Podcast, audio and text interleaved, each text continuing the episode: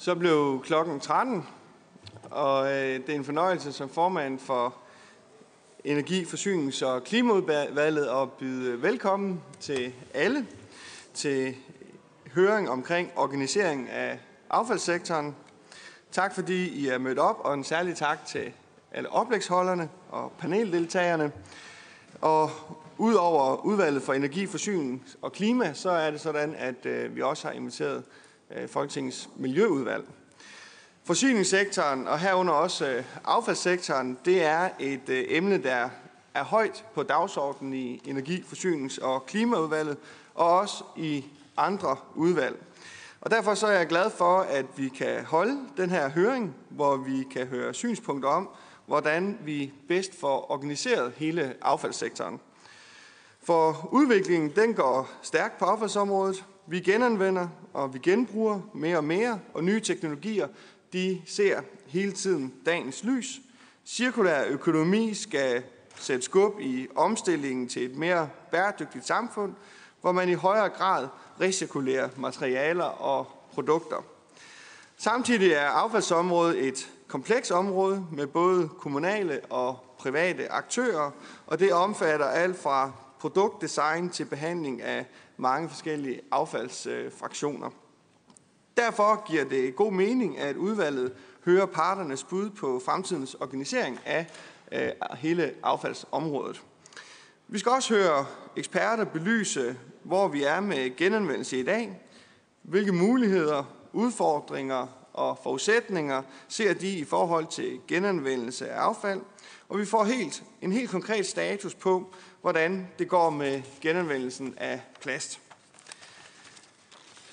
Det er sådan, at der er afsat øh, tre timer til høringen, og midtvejs der holder vi så en øh, kort pause. Og jeg skal derfor også henstille til, at alle oplægsholdere de øh, overholder den afsatte tid, der er, øh, og at spørgsmål de stilles så korte og præcise som muligt. Øh, selve høringen i dag den bliver tv-transmitteret, så jeg skal naturligvis også bede om at bruge mikrofoner, og det vil være en god service, hvis I også øh, eventuelt øh, titulerer folk ved fulde navn. Vi lægger ud med tre oplæg, der alle fokuserer på genanvendelse og genbrug af affald. Og med de oplæg får vi sat rammen for, hvad det kræver at skulle fokusere endnu mere på genanvendelse i affaldssektoren. Dernæst øh, kommer der et oplæg om roller og ansvar og opgaver i affaldssektoren i dag, der linker over til øh, parternes indlæg i del 2. Endelig får vi i del 3, hvor parterne de opponerer mod hinandens indlæg, og politikerne og eksperterne har mulighed for at øh, stille spørgsmål. Den første oplægsholder, jeg skal byde velkommen til, det er professor Henrik Wenzel fra Syddansk Universitet. Værsgo Henrik, jeg ser frem til at høre dit øh, oplæg.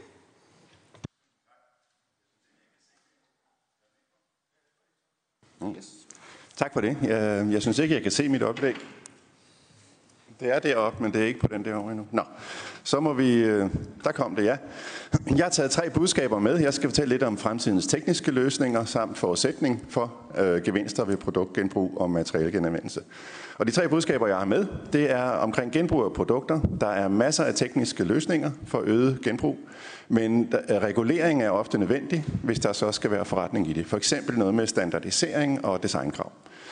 Materialegenanvendelse, øh, der er noget teknisk på vej, der går rigtig stærkt i de her år. Central eftersortering er teknisk klar øh, og på vej rigtig mange steder, rigtig mange lande. Det er billigt, og det er fleksibelt for fremtidige øde krav, som man jo hele tiden ser, at der er nye fraktioner, som øh, der kunne være interesse i også at genanvende. Øh, så budskabet undgå politisk at specificere krav til sorteringsmåden, specificerer kun målene for genanvendelse. Der er noget med, at man skal kildesortere på nogle ting, og det er ikke optimalt ifølge vores undersøgelser. Plast er, det er den tredje, er ikke noget ressourceproblem. Vi har kulstof nok, især i atmosfæren har vi faktisk for meget, og det kan man faktisk trække ud til en fornuftig pris. Men vi har et klimaproblem og et affaldsproblem for nogle typer plast nogle steder i verden. Øh, så måske er omvendt lineær økonomi bedre for plast end cirkulær økonomi, og det kommer jeg tilbage til. Det er min sidste slide. Jeg starter med det med produkter. Vi har kigget meget i de her buer til elektronikprodukter, som I nok alle sammen øh, kender fra genbrugspladserne, og vi har analyseret en hel masse, øh, 20 tons faktisk, af dem. Og det er rigtig mange. Det er øh, øh, ja, 4.000 produkter eller sådan noget, vi har testet og splittet af. Det er heldigt, at vi har nogle studerende. Og vi har set, om de virker endnu, og om der er nogle issues ved dem, eller om de ikke virker. De blå her, det her det er det, der hedder store husholdningsapparater. I kan se mikrobølgeovn og en miniovn og noget forskelligt. Og den blå farve, det er det, der virker fint endnu. Så halvdelen cirka af mikrobølgeovnene, vi kunne finde, de virkede fint. Øh, der er nogle, vi kasserede på grund af noget visuelt, øh, men jo som måske nok kan repareres. Så den øh, base farve der, den, øh, og resten af dem faktisk kan nok måske repareres, eller man kan tage reservedele fra dem, hvis man vil det. Øhm, og det gælder for rigtig mange produkttyper. Af de mange hundrede produkttyper, vi har analyseret her, kan I se små husholdningsapparater. Læg mærke til den blå farve. Det er støvsuger ude til venstre. Dem har vi kigget endnu mere på siden den der slide der. Øhm, det er IT-udstyr. Det er forbrugerelektronik af forskellige art. Og hovedkonklusionen er, at der er rigtig, rigtig meget af det, der virker. Mange familier ja, har to, fordi så fik man et af svigermor, og så smider man øh, det ældste af dem ud osv. Øh, omkring gevinsterne, vi ved, at der er langt større miljøgevinst ved at genbruge og forlænge et produkts levetid, øh, end der er ved at genanvende materialerne i det langt større. Øh, der er potentielt langt større økonomisk værdi, og der er potentielt langt flere jobs i at genbruge øh, produkter, ind i at genanvende materialerne.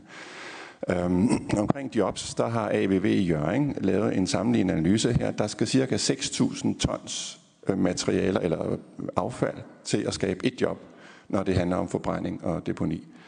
Øhm, 1-2.000 tons for at skabe et job, om, når det er materialgenanvendelse, det handler om. Øh, 100 tons for at skabe et job, når det er genbrug af produkterne, det handler om. Og hvis det kræver istandsættelse, så kunne de ikke helt sætte tal på. Og kilden her er Henrik Rigsgaard fra AVV i Jørgen. Så der er rigtig, rigtig mange flere jobs i genbrug, end der er i øh, både forbrænding og materialgenanvendelse. Og når jeg siger potentielt herover, så er det selvfølgelig, fordi det er under forudsætning af, at man kan få forretning i det. Og det er jo ikke altid lige nemt. Det er jo derfor, tingene bliver smidt ud, og folk køber nyt. Um, så det har vi prøvet at kigge på, og her får I lige en nem lille case omkring støvsuger. Vi har prøvet at analysere dem, øh, og i den øh, yderliggående analyse i forhold til det, I så før, der er det, finder vi, at 90% af dem de stadigvæk snorer, når vi sætter dem i stikkontakten. I nogle af dem der er ledningen kottet af, fordi den er noget værd, og et eller andet sted i ledet, der bliver den kottet af. Men, men øh, øh, man kan godt teste, om de virker alligevel, øh, og, og, og det gør altså 75 procent af dem. Flere af dem mangler nogle dele. Det kan være slange eller rør eller sugehoved, eller som nævnt elkablet. Øh, problemet er, at nye reservedele er meget dyre. Hvis der er en af de der øh, 25 dele i sådan en støvsuger, der går i stykker, og kun en, øh, så er den ret dyr. Og det har vi prøvet at se på. Her kan I se, motoren, det er den blå ude i øh, den ene side. Øh, og så er der kabeloprulningen og, og slangen og teleskoprøret og sugehovedet. Øh, de forskellige, øh, og det er priserne for dem med nogle intervaller på. Og så kan I se, hvad man får for en genbrugsstøvsuger på markedet for genbrugsstøvsuger. Så motoren er altså dyrere, end man får for hele støvsugeren, hvis man sætter den i stand og sælger den igen. Og det er selvfølgelig et problem. Men de er altså også vanvittigt dyre, de der komponenter, hvis man ser på, hvad de burde koste øh, øh, i forhold til, hvad det ja, koster for en hel støvsuger. Øhm, så det, det der er ikke meget forretning i, så hvis man, nu har vi prøvet at kigge på Odense, der kommer cirka 10.500 stykker ind om året i Odense på genbrugsstationerne der. Og vi har skønnet, at det tager 20 minutter at reparere sådan en. Det er nok lidt højt sat. Man bliver nok bedre til det, hvis det virkelig øh, øh, kommer i gang til noget. Øh, det er 117 kroner for at, at sætte sådan en støvsuger i stand. Det skulle være, hvis det var en motor, det her som eksempel. Hvis man skal købe en ny motor, så kan I se, så kan man glemme det. Så er der en fortjeneste på mindre end 0 kroner per støvsuger. Hvis man nu kunne få en gratis motor og trækker arbejdslønnen fra, så er der en fortjeneste på 383 kroner per øh, støvsuger, og med de støvsuger, så er det så maks 4 millioner kroner om året man har i fortjeneste. Det er jo så, hvis man kunne sælge dem alle sammen, der kommer ind efter istandsættelse. kan man selvfølgelig ikke. Og hvis man så skal betale metalskrotprisen, for i dag der er nogen, der ejer det der skrot, øh, og det er fint nok, men den er altså kun 11 kroner per støvsuger, så hvis man trækker det fra, så er det stadigvæk cirka 4 millioner. Så, øh, så, så der ligger nogle penge der. Det er trods alt kun støvsugerne, og trods alt kun Odense. Men problemet er, at der er ikke nogen komponenter at få gratis. Fordi der er ikke noget, der passer sammen. Nogen steder. Ingen gang på, med tre års forskel fra den samme leverandør passer de med hinanden. Og vi har øh, en af Fyns eneste reparatører støvsuger, han siger, sådan var det ikke for 30 år siden. Og det er lige før han siger, at øh, det virker bevidst, at noget ikke skal passe sammen overhovedet. Øhm, så der er et problem der, og der er budskabet her, konklusion, der er gode muligheder, men det kræver nogle designregler og noget standardisering som en forudsætning. For eksempel krav om noget modulært design, så det er nemt, hurtigt at skifte en eller anden øh, delting i støvsugeren ud. Det sparer tid. Og det har Nilfisk kommet ud med en løsning på, som er super god. Øhm, og det kræver krav om kompatible komponenter. De skal simpelthen passe fra et produkt til et andet, øh, om man skal kunne anvende brugte reservedele. Så er der et stort potentiale for, for at lave forretning på det. Øh, og vi ved jo, hvor godt standardiseringen virker, når først øh, virksomheder accepterer at gå ind i det, men det gør de jo ikke, medmindre de er presset til det. Det var det om produkterne. Så er der materialgenanvendelsen, central eftersortering. Her ser jeg et par anlæg, et fra England og et fra Norge, som simpelthen er, hvor man sorterer affaldet i stedet for at brænde det. Op på et samlebånd med det, og så piller man ting fra. Og det gør man automatisk med sensorer og forskellige måder og, og blæse det med trykluft hen i øh, forskellige steder hen, og måske robotter og sådan noget. Øhm, det er, som jeg sagde, på vej rigtig mange steder. Der er et, der kører i Norge, og et, der lige skal til at igangsættes ved Stavanger, og så er der tre yderligere på vej. Der er et par steder i Sverige, og så er der to steder i Danmark, efter så vidt jeg ved det. Det kan være, der er flere, hvor man kraftigt overvejer det, og det er i København og på Fyn, hvor vi selv er med i noget. Og med eftersortering mener vi altså sortering på restaffaldet efter man har sorteret andet ud, for eksempel madaffald, sådan er sorteret ud i øh, hvid bombs udstrækning, ikke selvfølgelig fuldt, men øh, så sorterer man på det, der nu bliver tilbage efter en kildesortering. Um, og lidt status, bare meget hurtigt. Jeg regner med, at I får slidesene, så det er ikke for at gå det igennem, men rigtig, rigtig mange steder i Europa, i Holland, gør de rigtig meget på det her med sortering af totalaffaldet um, og mange andre steder. Konklusion på det? Jamen, målene er jo 50% genanvendelse i 2020 og 65% i 2030, 2022. Øh, øhm, teknologien til eftersortering er der. Økonomien er attraktiv ifølge vores beregninger, og vi har regnet rigtig, rigtig grundigt på det sammen med COVID. Øhm, og det er den eneste måde, så vidt vi kan se, i hvert fald over en bred kamp af kommuner, at nå 65% genanvendelse i 2030 på. Det når man ikke med kildesortering. Det gør man simpelthen ikke. Så man skal have et eftersorteringsanlæg, hvad vi kan få øje på i hvert fald. Det går aktuelt ret stærkt mange steder i udlandet med at etablere de der anlæg. Og så kommer der et muligvis diskussionspunkt her. Kvaliteten af plast er lige så god fra et eftersorteringsanlæg som ved separat indsamling. Især når man vasker den. Og det kan man jo, når man har et stort anlæg. Øh, og man får mere sorteret fra. Maskinerne er simpelthen bedre til det, end vi er hjemme i husholdningen. Og man får endda meget mere sorteret fra. Og der er blandt andet nogle finske og tyske og hollandske studier, som viser, at kvaliteten er øh, på niveau. og så er pointen, at vi skal have eftersortering under alle omstændigheder. Og derfor er det attraktivt at spare på indsamling, for indsamlingen er det absolut dyreste led. Så man skal ikke spørge, hvad koster eftersortering, man skal spørge, hvor meget sparer den på indsamlingsledet øh, og hvor meget mere får den ud. Og det er en robust mulighed for at tage flere fraktioner ud. Senere i Holland er de begyndt at sortere øh, drikkevarer, kartonger, altså det her tetrapak ud, og man kan tage forskellige andre ting også uden at man skal ændre på indsamlingen. Og politikerne er lidt følsomme over for hele tiden at fortælle borgerne, at de nu skal gøre noget nyt. Så pointen øh, her er, at stille ikke krav om kildesortering. Det ser ud som om, der er noget på vej fra EU-krav øh, om, at plast også skal sorteres fra ved kilden. Det synes vi ikke på Fyn er nogen god idé. Fordi når man alligevel skal have et eftersorteringsanlæg, så kan man altså lige så godt tage al plasten der, i stedet for at tage det ved kilden. Lad de ansvarlige finde den bedste løsning. Man går for langt som politiker, når man begynder at blande sig i midlerne på den måde. Til sidste, plast. Plast er jo et problembarn. Øhm, og her ser jeg den her kendte øh, Ellen MacArthur Foundation øh, cirkulær økonomi øh, loop ting, som siger, at lang levetid af produkterne og genbrugssløjfen og holde det tæt på produktets funktion er det bedste, og så materialegenanvendelsen ligger yderst. Og øh, der er min pointe, det er lidt kættersk, men jeg kan godt lide at lancere den her, fordi jeg synes faktisk, den er rigtig. Om det her er, vi er nu sikre på, at cirkulær økonomi for plast i alle tilfælde er det bedste. Jeg påstår omvendt lignende øh, økonomi faktisk kan være bedre. Fordi det er klima, der er det store problem. Og så er der noget med affald i verdenshavene for nogle typer plast, men jo ikke i Danmark og store dele af resten af Europa. Det er jo ikke vores plast, der ender der. Øh, lav plasten af CO2. CO2-opbrændt, øh, og sætte den på lager. Så kan man gå og klappe sin plastbunke der, lad den ligge der i nogle hundrede år, øh, og det kommer ikke til at fylde ret meget. Og så kan man sige, se her har vi CO2, nu er den ikke op i atmosfæren, og det er en meget effektiv måde at lagre kulstof på i forhold til CO2, for det fylder ikke nær så meget, som CO2 ville have gjort. Øh, tag et eksempel, den her vrap, om når I køber en bøf nede i brusen, hvis ikke I er vegetarianer. Um, den koster 50 kroner og 5 øre, fordi vrappen koster 5 øre i som virgin jomfruelig plastik. Hvis nu vi skulle lave den af CO2-opbrændt, vi er med i nogle projekter sammen med DTU og andre, som, som ser på det her, så koster den maks 10 gange mere. Og det er virkelig maks. Det kommer også nok ned på højst 5 gange mere. Så er det altså 50 kroner og 50 øre. Man skal ikke være meget talblind, før man ikke kan se forskel, når man står der ved køledisken. Vel?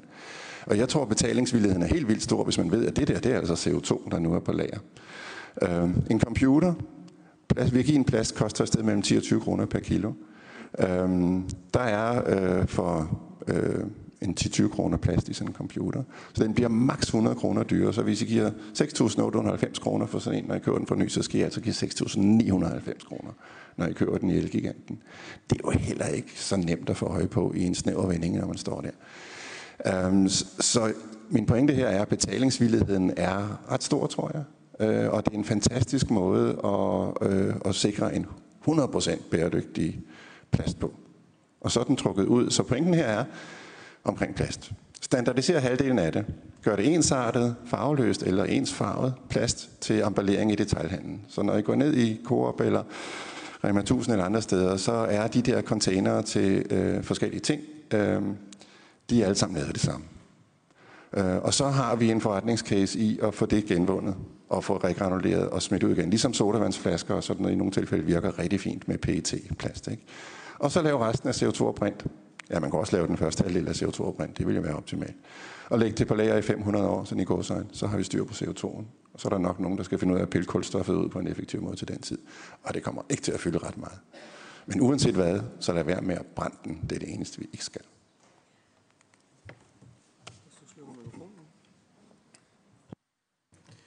Tak for det, Henrik Vensen. Og i forhold til slidesene, så er det sådan, at de kan blive rundsendt øh, til alle, der er tilmeldt konferencen, men derudover så optrykker vi dem også på Folketingets øh, hjemmeside under øh, vores udvalg. Øh, så der kan man også hente dem, med mindre at der er en oplægsholder, der siger, at han under ingen omstændigheder ønsker at have udleveret sin slice øh, af den vej. Øh, det oplever vi ikke så tit. Men næste oplægsholder, det er Michael Søgaard Jørgensen fra Aalborg Universitet, der vil komme ind på, hvilke muligheder der er for at øge genanvendelsen af affald. Værsgo, Michael. Tak. Eller jeg vil måske også sige noget om, hvorfor det er vigtigt overhovedet at undgå, at der kommer affald. Når nu lige om et øjeblik, at og tryk frem, så kommer de. Der var den. Ja, muligheder og udfordringer i forhold til at forlænge produkters levetid og øge genanvendelsen af affald.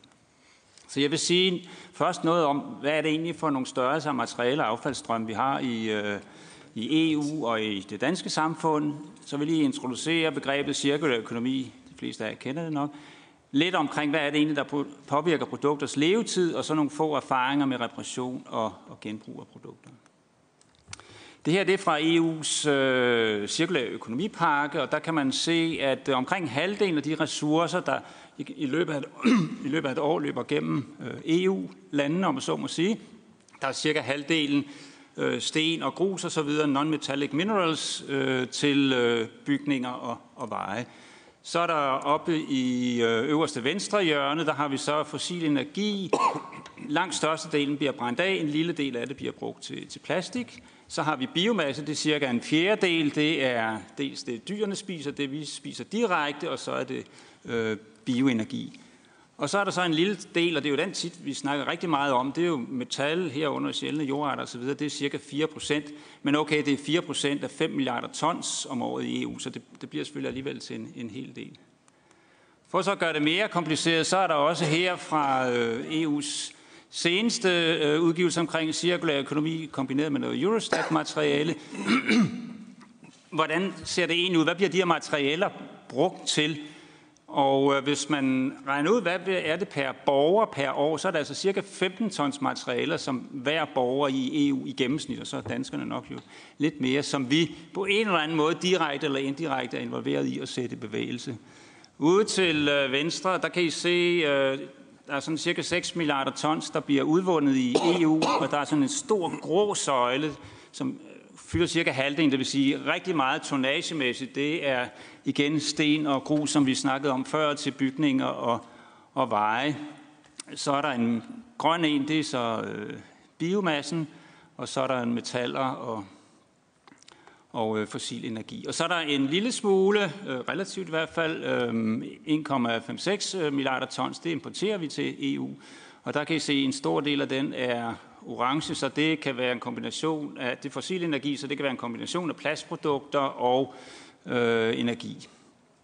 Rigtig meget af det her det bliver brugt til at opbygge samfundets beholdning af produkter, hvad vi har i klædeskabene, bygninger, veje osv. I kan se, at der er en stor strøm, som går ned i sådan en grå kasse i midten. Det er sådan det, man vil kalde det er samfundets infrastruktur, inklusive det, vi har i, i klædeskabene.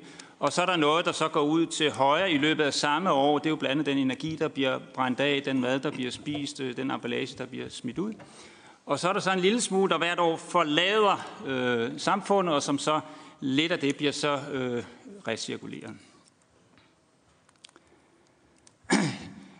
Her i IKEA har en af deres øh, miljørapporter øh, prøvet at opgøre sådan deres samlede klimabelastning, og her er pointen at sige, hvis vi kan få tingene til at holde rigtig længe, så kan vi faktisk spare en hel del klimabelastning, fordi halvdelen af klimabelastningen fra alt, hvad IKEA gør, inklusiv når vi bruger det, det kommer fra produktion og udvinding af råmaterialerne. Cirka 13 procent kommer fra at producere og distribuere produkter. En lille bit smule i IKEA-varehuset, det vi spiser, og lyset i IKEA-butikken, og så er der noget fra, fra driftsbasen. Så jo længere tingene kan holde, jo, jo bedre er det. Hvis man kigger fra, øh, hvad har vi så af affald i Danmark fra ressourcestrategien 2013, det kan være, der er nogen senere, der har nogle, nogle nyere tal, så er den samlede affaldsmængde per dansker ca. 1600 kilo om året, cirka en fjerdedel bygger, af, øh, bygger anlægsaffald, og så det, vi meget snakker om måske i dag, ikke husholdningsaffald, det er igen cirka en, en fjerdedel.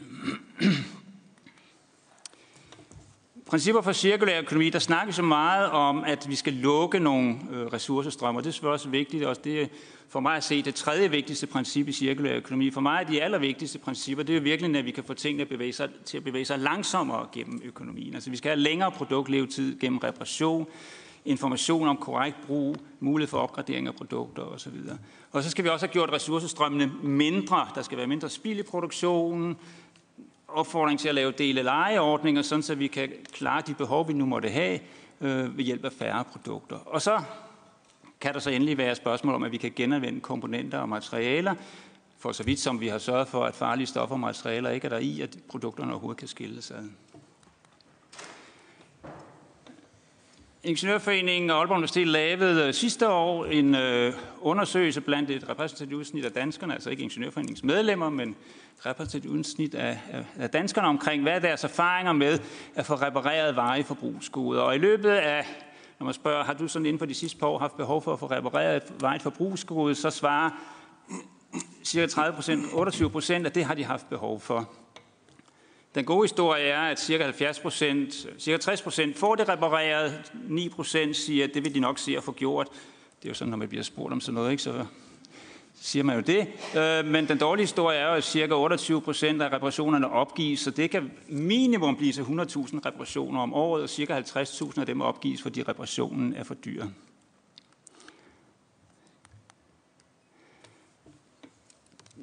Kigger man i Danmarks statistik, så kan man se, at danskerne har i gennemsnit øh, lavere udgifter til reparation end tidligere.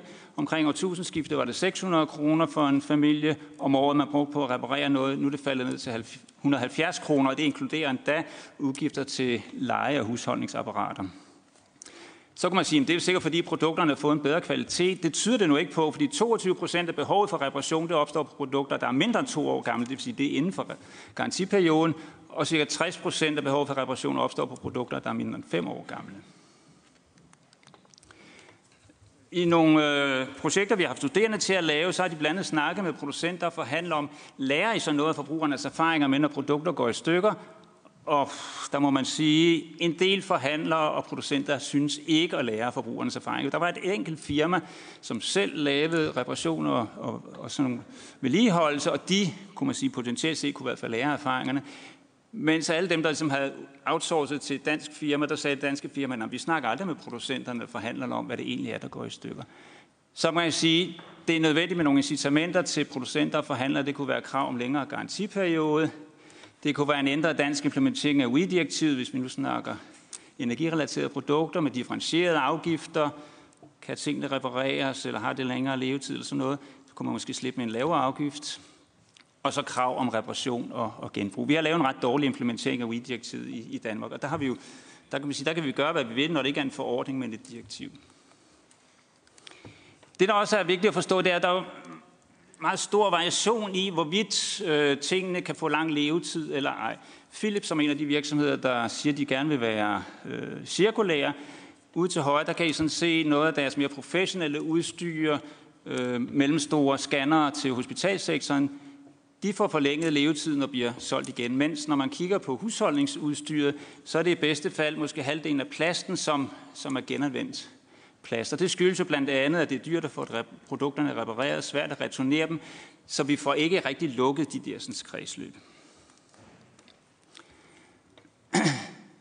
Hvis man skulle have en tro om, at man kunne lukke de der kredsløb, så må man meget hurtigt finde ud af, at det vil koste rigtig mange penge at skulle trække nogle af de her sådan, ressourcer ud af, af for eksempel nogle, nogle computer. Så øh, her er en undersøgelse fra de europæiske miljøorganisationers øh, paraply, European Environmental Bureau, hvor man kan se, at det er kun sådan ude til, til venstre med manuel øh, adskillelse, at man virkelig får store mængder ud i det her tilfælde af, af, øh, af guld. Så konklusionen er, at man kan ikke bare lukke de der flows, vi skal forlænge levetiden. Det her med, at øh, det er dyrt at få repareret, har så gjort, at der er forskellige øh, miljøorganisationer, forskellige reparationsinitiativer rundt omkring. Vi ser repair cafés komme op, og vi ser nogle socialøkonomiske virksomheder, som for eksempel den her fra øh, Miljøenergicenter i, i Høje Tostrup. Og vi genfinder her nogle af de samme erfaringer øh, med, for det første kan man sige, hvorfor er det ting, der skal repareres? Nogle gange er det, fordi det er dårlig kvalitet. Nogle gange har folk ikke forstået at bruge det rigtigt, eller de har vedligeholdt det forkert. Og det kan jo være lidt udtryk for, at der simpelthen ikke er tilstrækkelig information til, til forbrugeren. Man ser også gange nogle tegn på planlagt forældelse, siger de. Det er meget tit, de får noget ind, der lige herude på den anden side af garantiperioden, og de ser også, at på nogle maskiner, de får ind, der er det ofte den samme del, der er, der er defekt. Hvorfor lykkes reparation så ikke? Jamen billige produkter, der kan ikke betale sig, og der kan man heller ikke få fat i en reservedel. Lidt mere kendte mærker, der er det lidt lettere at få fat i reservedele. Og de har så gjort det, at de har opbygget deres eget lager med reservedele fra, fra produkter, de så ikke kunne reparere.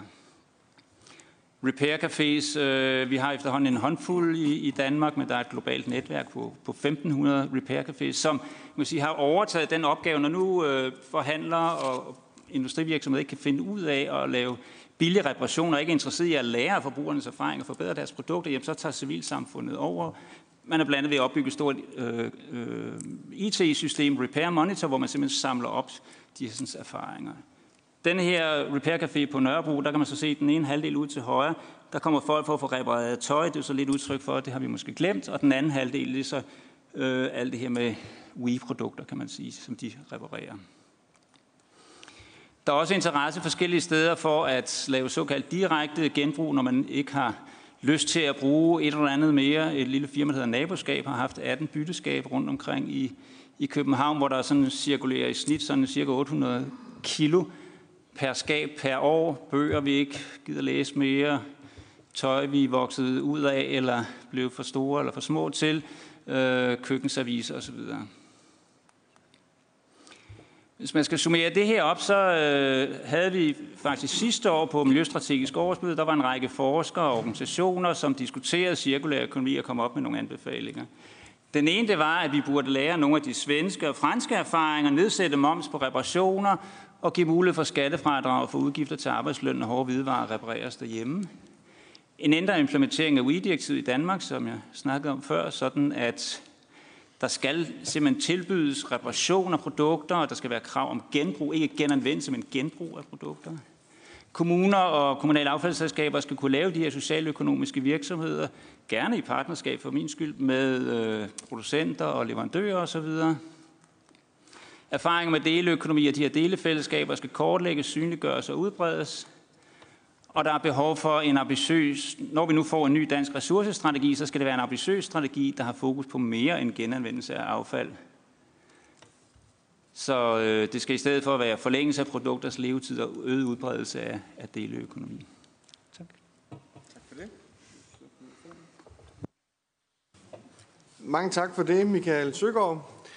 Øh, næste oplægsholder, det er professor Thomas Fruergaard Astro fra Danmarks Tekniske Universitet, der vil sætte fokus på øh, genanvendelsen af plast i Danmark. Værsgo, Thomas.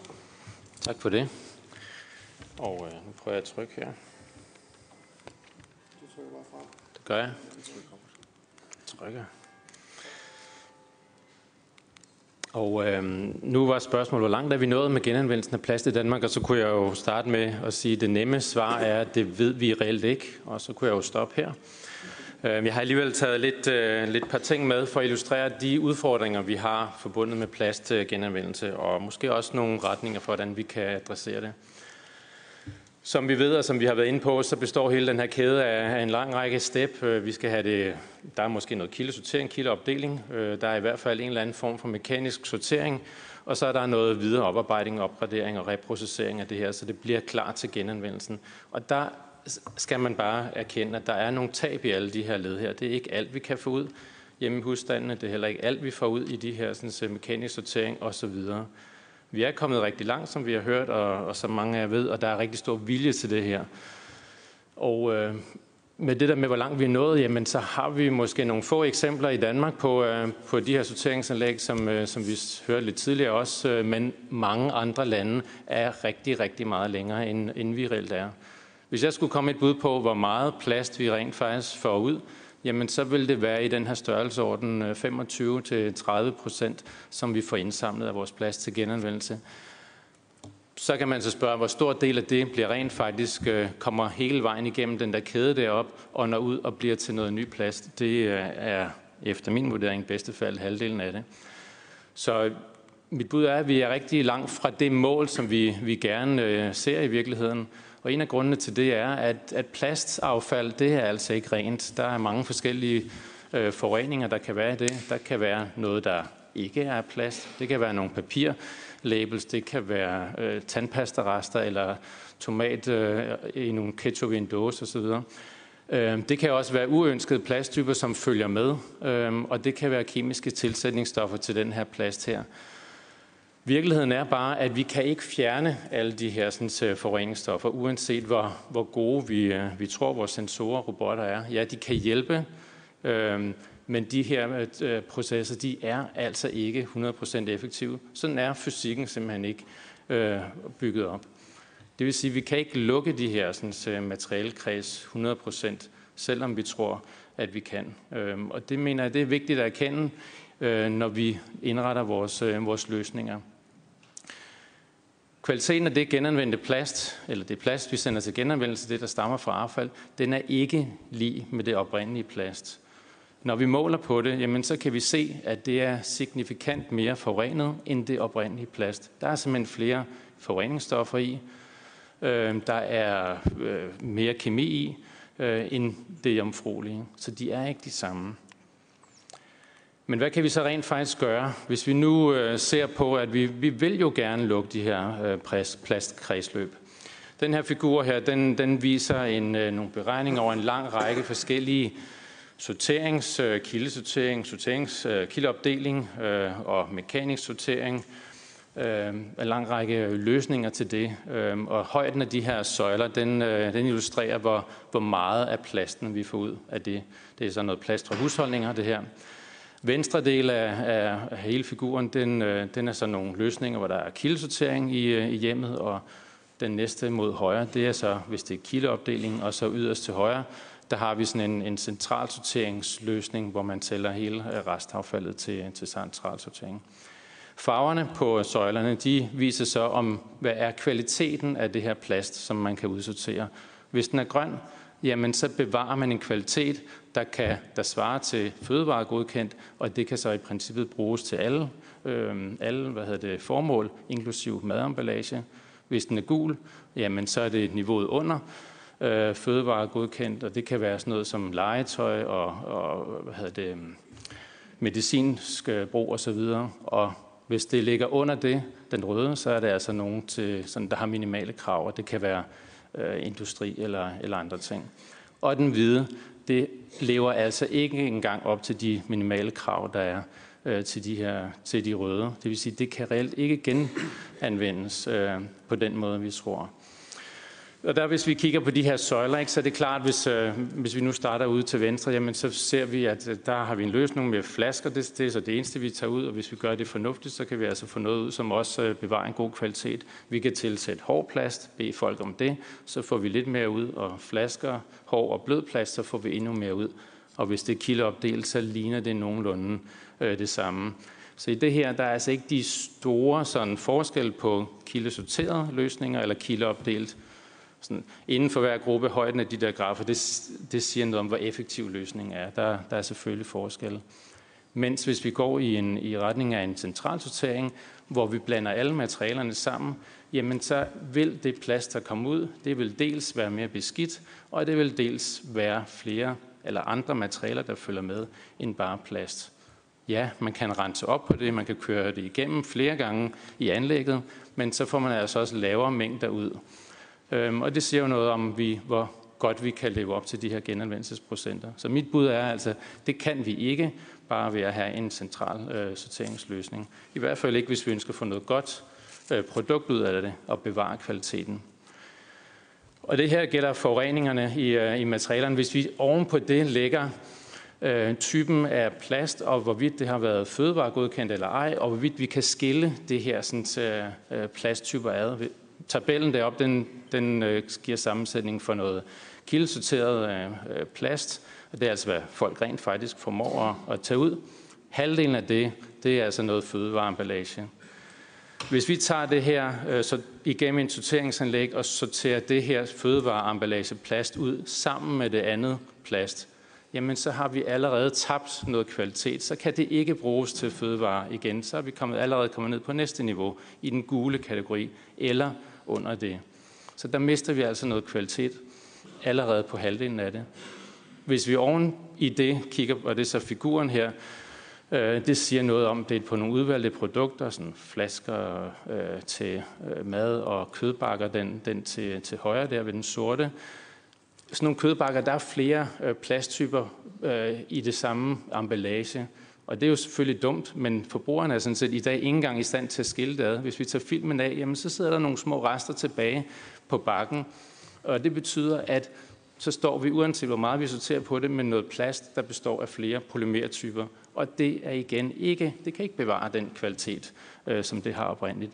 Så der bliver vi altså nødt til at stille nogle krav om, hvis vi skal løse det, om at de her emballager skal laves på en fornuftig måde. Og det bringer mig til at sige, at, øh, at jeg tror simpelthen ikke på, at den her central sorteringsløsning, som, øh, som vi hørte tidligere, at det er en, øh, en farbar vej, hvis vi på lang sigt ønsker at bevare en høj kvalitet af, af, af det plast, der kommer ud. Nu snakker vi om plast her. Øh, ja, sensorer kan hjælpe på det, men det nytter ikke noget, hvis vi ikke stiller krav til designet af, af produkterne også. Og så vil jeg også gerne lægge vægt på, at det nytter altså heller ikke noget at fokusere på størst mulige mængder og kun på mængderne for det ud. Vi bliver nødt til at fokusere på kvaliteten og bevare kvaliteten af det plast, vi får ud. Så vi skal altså have en form for paradigmeskift i det her. Vi bliver nødt til at fokusere på at fastholde kvaliteten, og ikke så meget den her, de her mængder. Øhm, og det betyder selvfølgelig, at sådan produktdesign og så videre, det skal vi altså indrette efter øh, vores indsamling- og sorteringssystem. Det kan være, at vi skal opdele, øh, bede folk, eller opdele det øh, fødevaregodkendte og det ikke fødevaregodkendte. Det kan være, at det skal laves af nogle bestemte polymertyper, så det bliver nemmere i sorteringsanlæggene. Ja, det kan også godt være, at vi skal gøre, stille krav om, at de her mademballager, der kan man altså skille tingene ad øh, på en fornuftig måde. Øh, og der kan være en lang række andre ting. Det kan være sådan noget som at, at minimere sort emballageplads, som, som kan være svært nogle steder at sortere ud. Så der skal altså være nogle krav. Og vi bliver nødt, i min optik, vi bliver nødt til at stille de her krav til kvaliteten. Ellers så fokuserer vi bare på mængderne og får noget igennem. Øhm, og så mener jeg ikke på lang sigt, at vi har nået de mål, heller ikke miljømæssigt, som vi ønsker. Tak.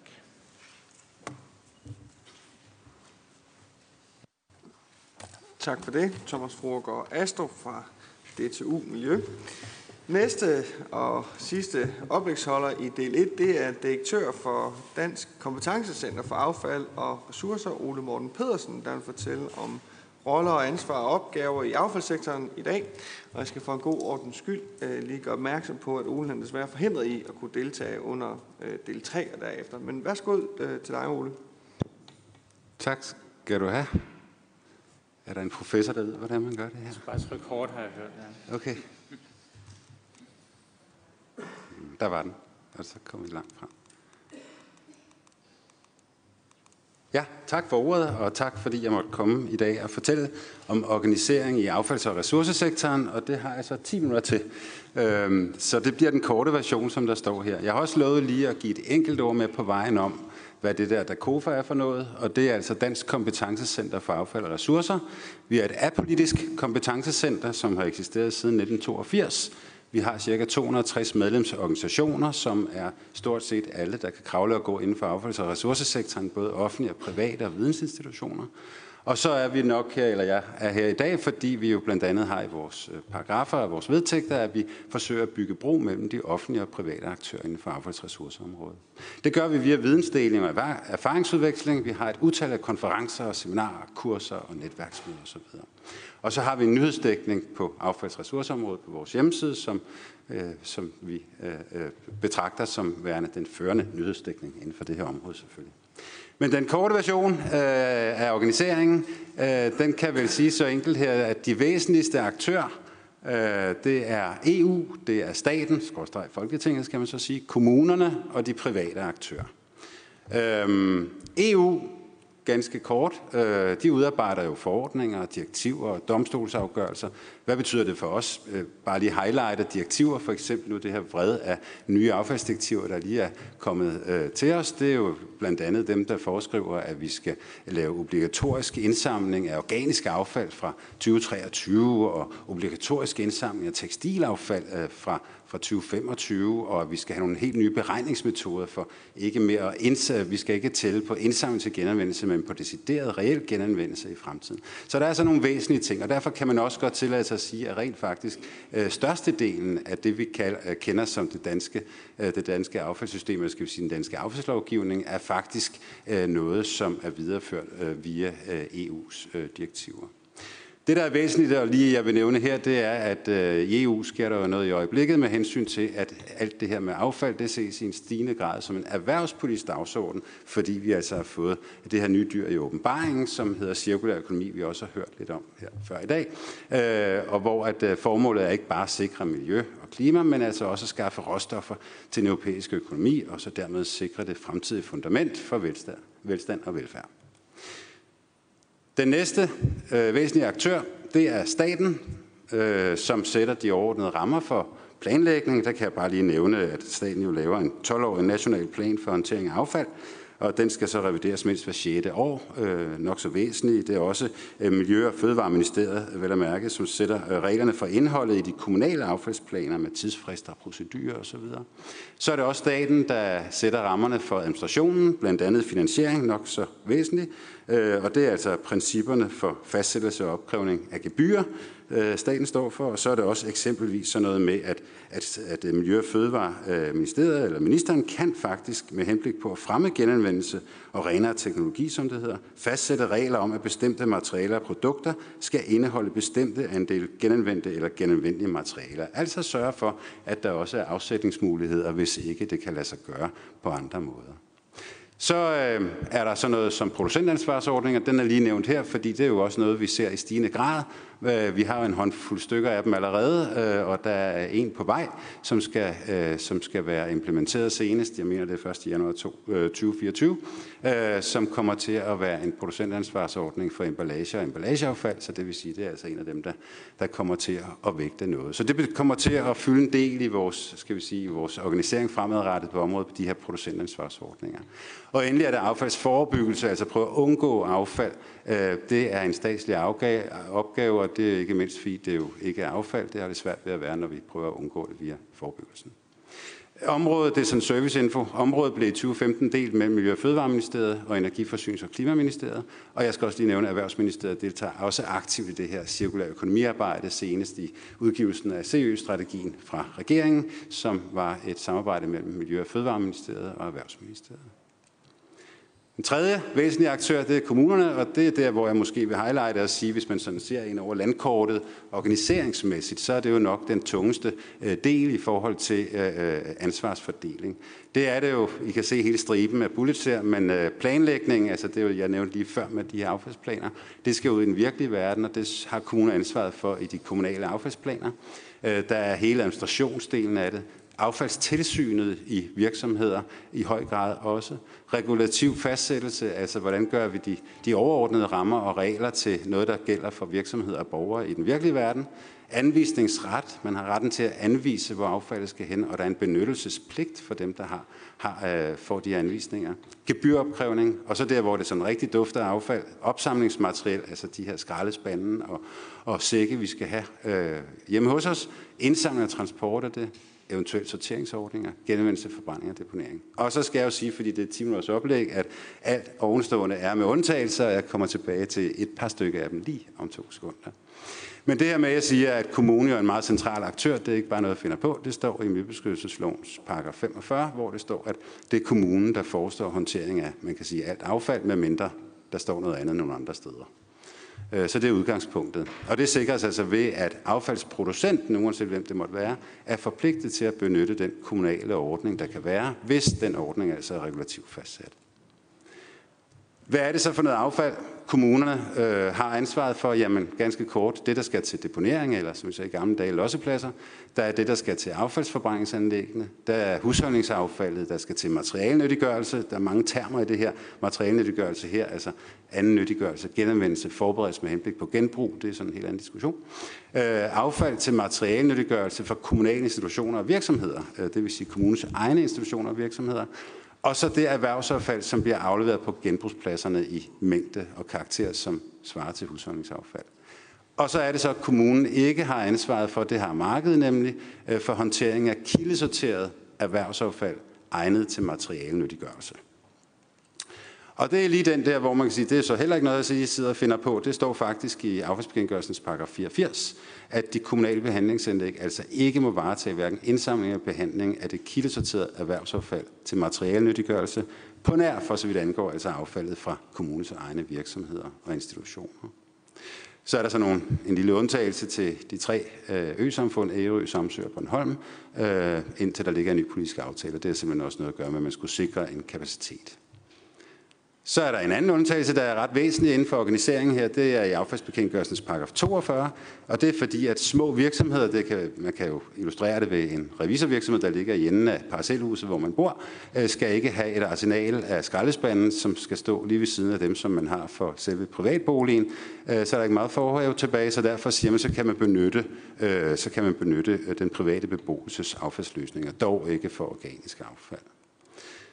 Og så endelig i forhold til kommunerne her, kan man sige, at nu tidligere 275, nu 98 kommuner, der er det ikke smart at have et samme antal forbrændingsanlæg og lossepladser osv. Så, så derfor så ret tidligt i affaldshistorien, der gik man jo sammen og lavede nogle fælles kommunale affaldsselskaber, vi kaldte paragraf 60-selskaber, nogle kommunale aktieselskaber, for eksempel forsyningsselskaber, kender vi dem også. Og der splitter man det sådan lidt groft sagt op i to termer. Det er der, hvor der er myndighedsudøvelse, det er kommunen, der har ansvaret, og så er der den faktiske, praktiske forvaltningsvirksomhed, kan man kalde det, ligger så i det selskab, kommunen kan være medlem af. Øh, myndighedsudøvelse, det er sådan noget netop som affaldsplanlægning, regulativerne, anvisningsret og pligt, fastsættelse af, hvad det skal koste øh, for borgerne, for virksomhederne at aflevere der, hvor kommunen har ansvaret. Og så er der det her tilsyn. Det er sådan typiske myndighedsopgaver. Øh, og så er der de praktiske, faktiske, det er drift, og det er jo altså, ja, øh, det er jo deponier, det er forbrændingsanlæg, det er genbrugspladser osv. osv. Og så affaldskortlægning, opkrævning af, altså selve den fysiske opkrævning af gebyrerne og taksterne.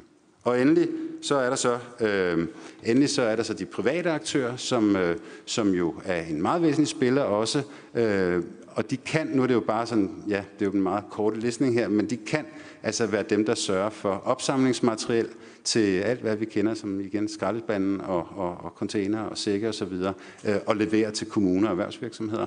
Indsamling, af skidtet og transport videre med det, sortering eventuelt efterfølgende, øh, og så diverse håndteringsaktiviteter. Ikke deponering, men ellers kan det være de øh, håndteringsaktiviteter, der kan være behov for.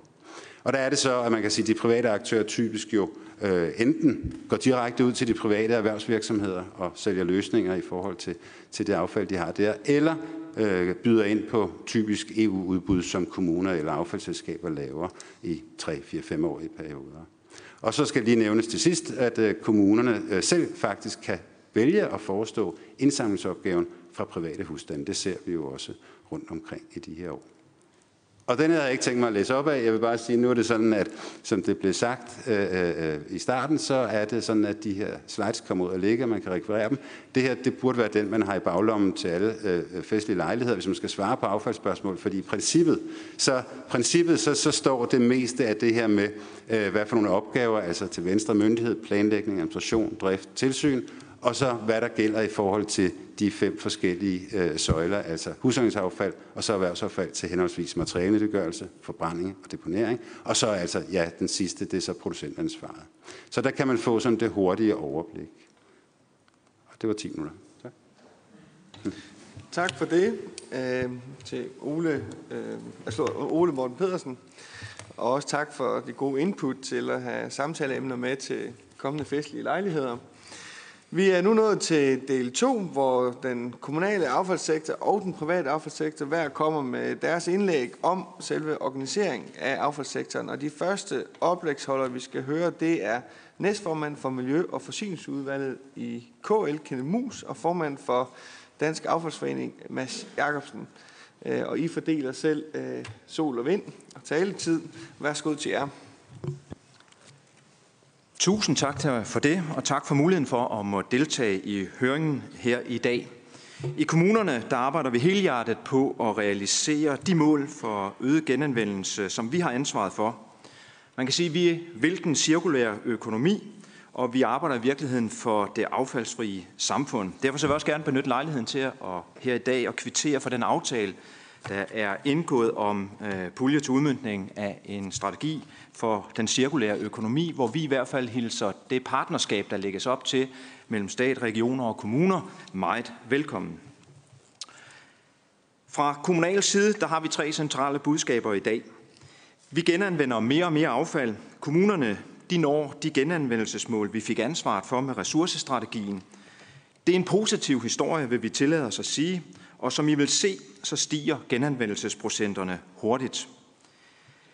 Det andet, vi gerne vil bringe øh, til høring her i dag, det er den positive udvikling. Den har krævet en intens samarbejde med borgerne, men også med virksomhederne. Kommunerne styrer i virkeligheden affald mod miljøgevinster, men bruger virksomhederne til at løse de fleste opgaver. Der er allerede i dag et omfattende samarbejde med virksomhederne. Og det tredje, vi gerne vil sætte fokus på her i dag, det er, at kommunerne og de kommunale affaldsselskaber de udvikler den cirkulære økonomi. Vi tager ansvar for nye løsninger og samarbejder med de virksomheder, der skal hjælpe os på vej. Vi vil gerne videre af den vej og ser meget gerne bedre rammer for at udvide samarbejdet.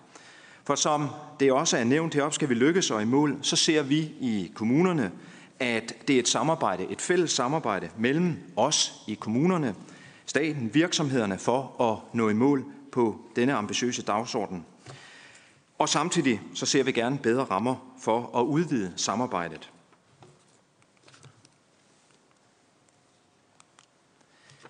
Først en status om, hvor vi står. Vi genanvender mere og mere af borgernes affald. Kommuner og kommunale affaldsselskaber har lagt sig i selen, så generelt så står vi med en meget positiv historie. Vi flytter noget, og vi udvikler den cirkulære økonomi.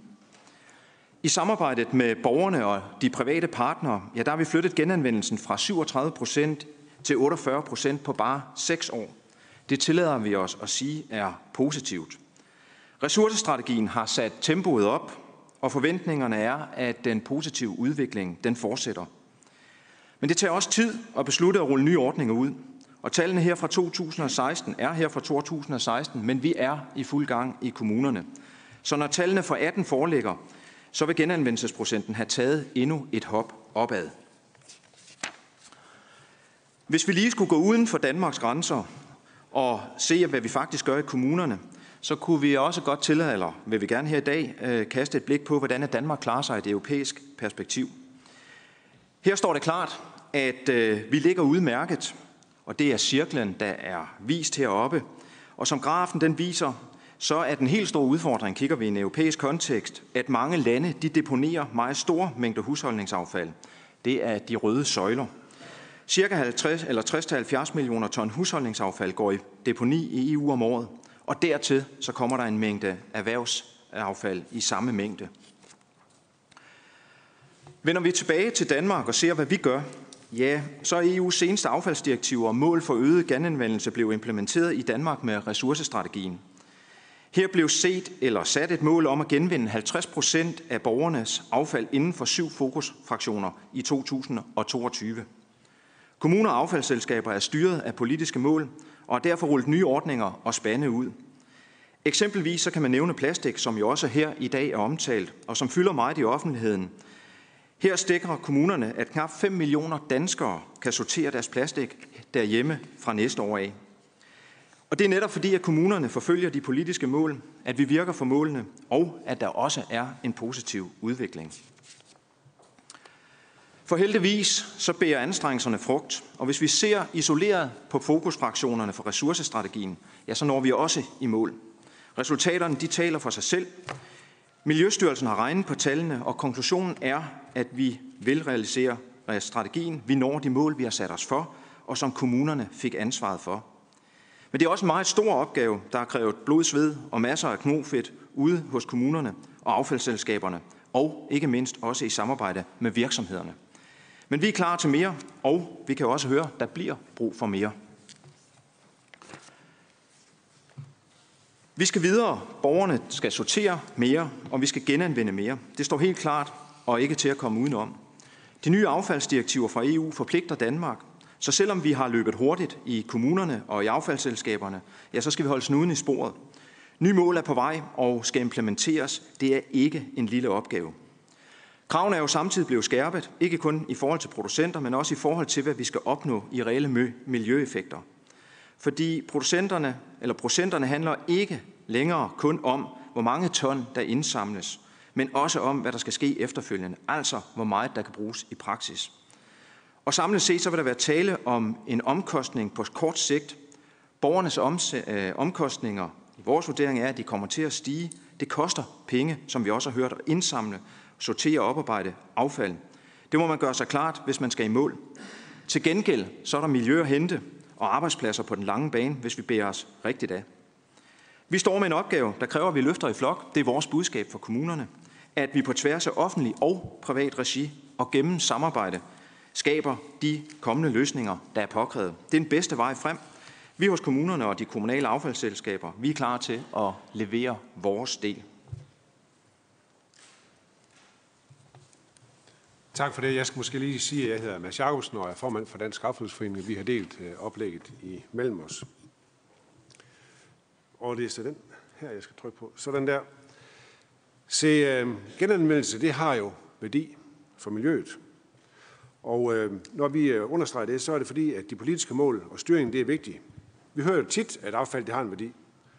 Og når vi taler om miljø, så er det også rigtigt. Men desværre så er det jo ikke tilfældet, når vi taler i økonomisk forstand. Det hørte vi også om før. Det, I kan se på, på grafen her, det er afsætningspriserne for affald. Og det vil sige den pris per ton, som kommunen betaler for at sikre sig, at affaldet det bliver genanvendt. Og det er simpelthen et konkret eksempel fra en, et øh, medlem i Dansk Affaldsforening, de priser, som man har øh, på det tidspunkt, hvor det her det blev gjort op.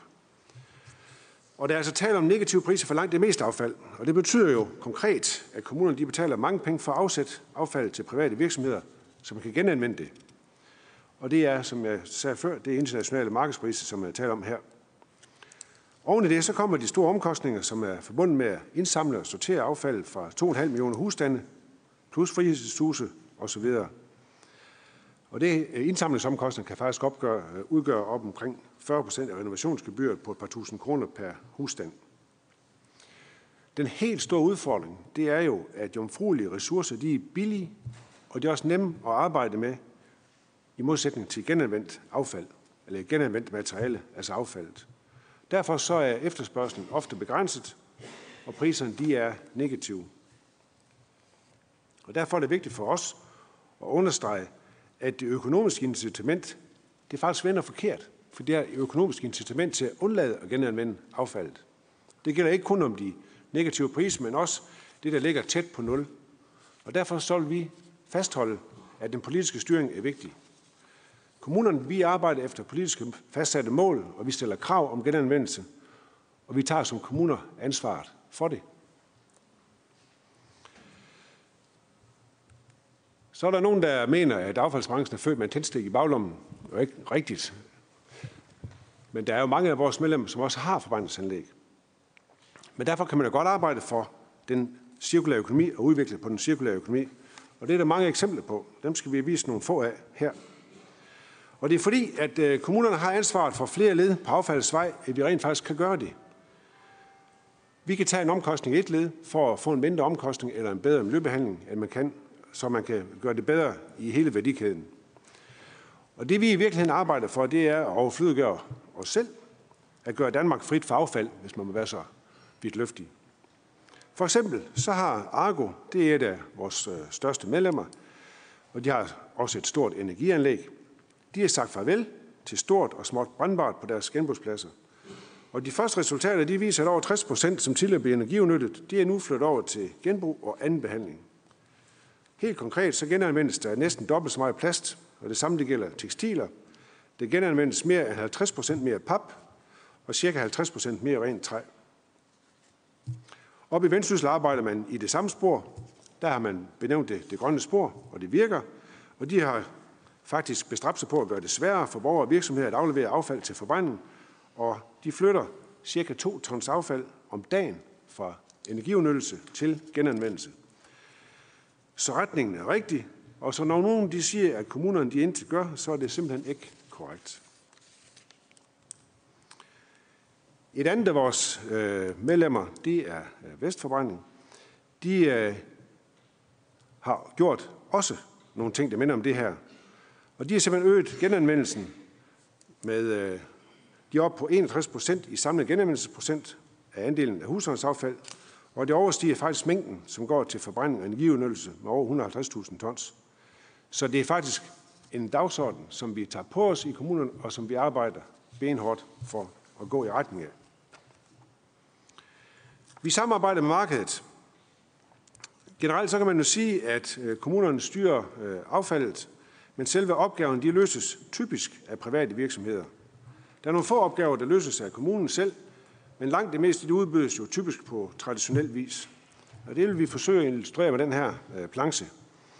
Altså affaldsspandene købes hos virksomheder, som, som sælger den slags, og eksperter i det.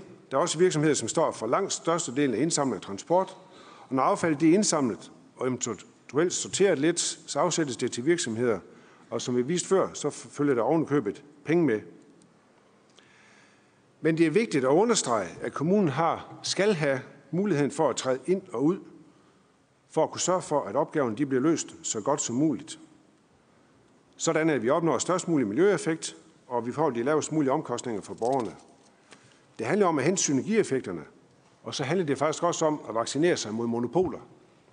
Og i sidste ende, så handler det jo om, at opgaven den bliver, den bliver løst effektivt.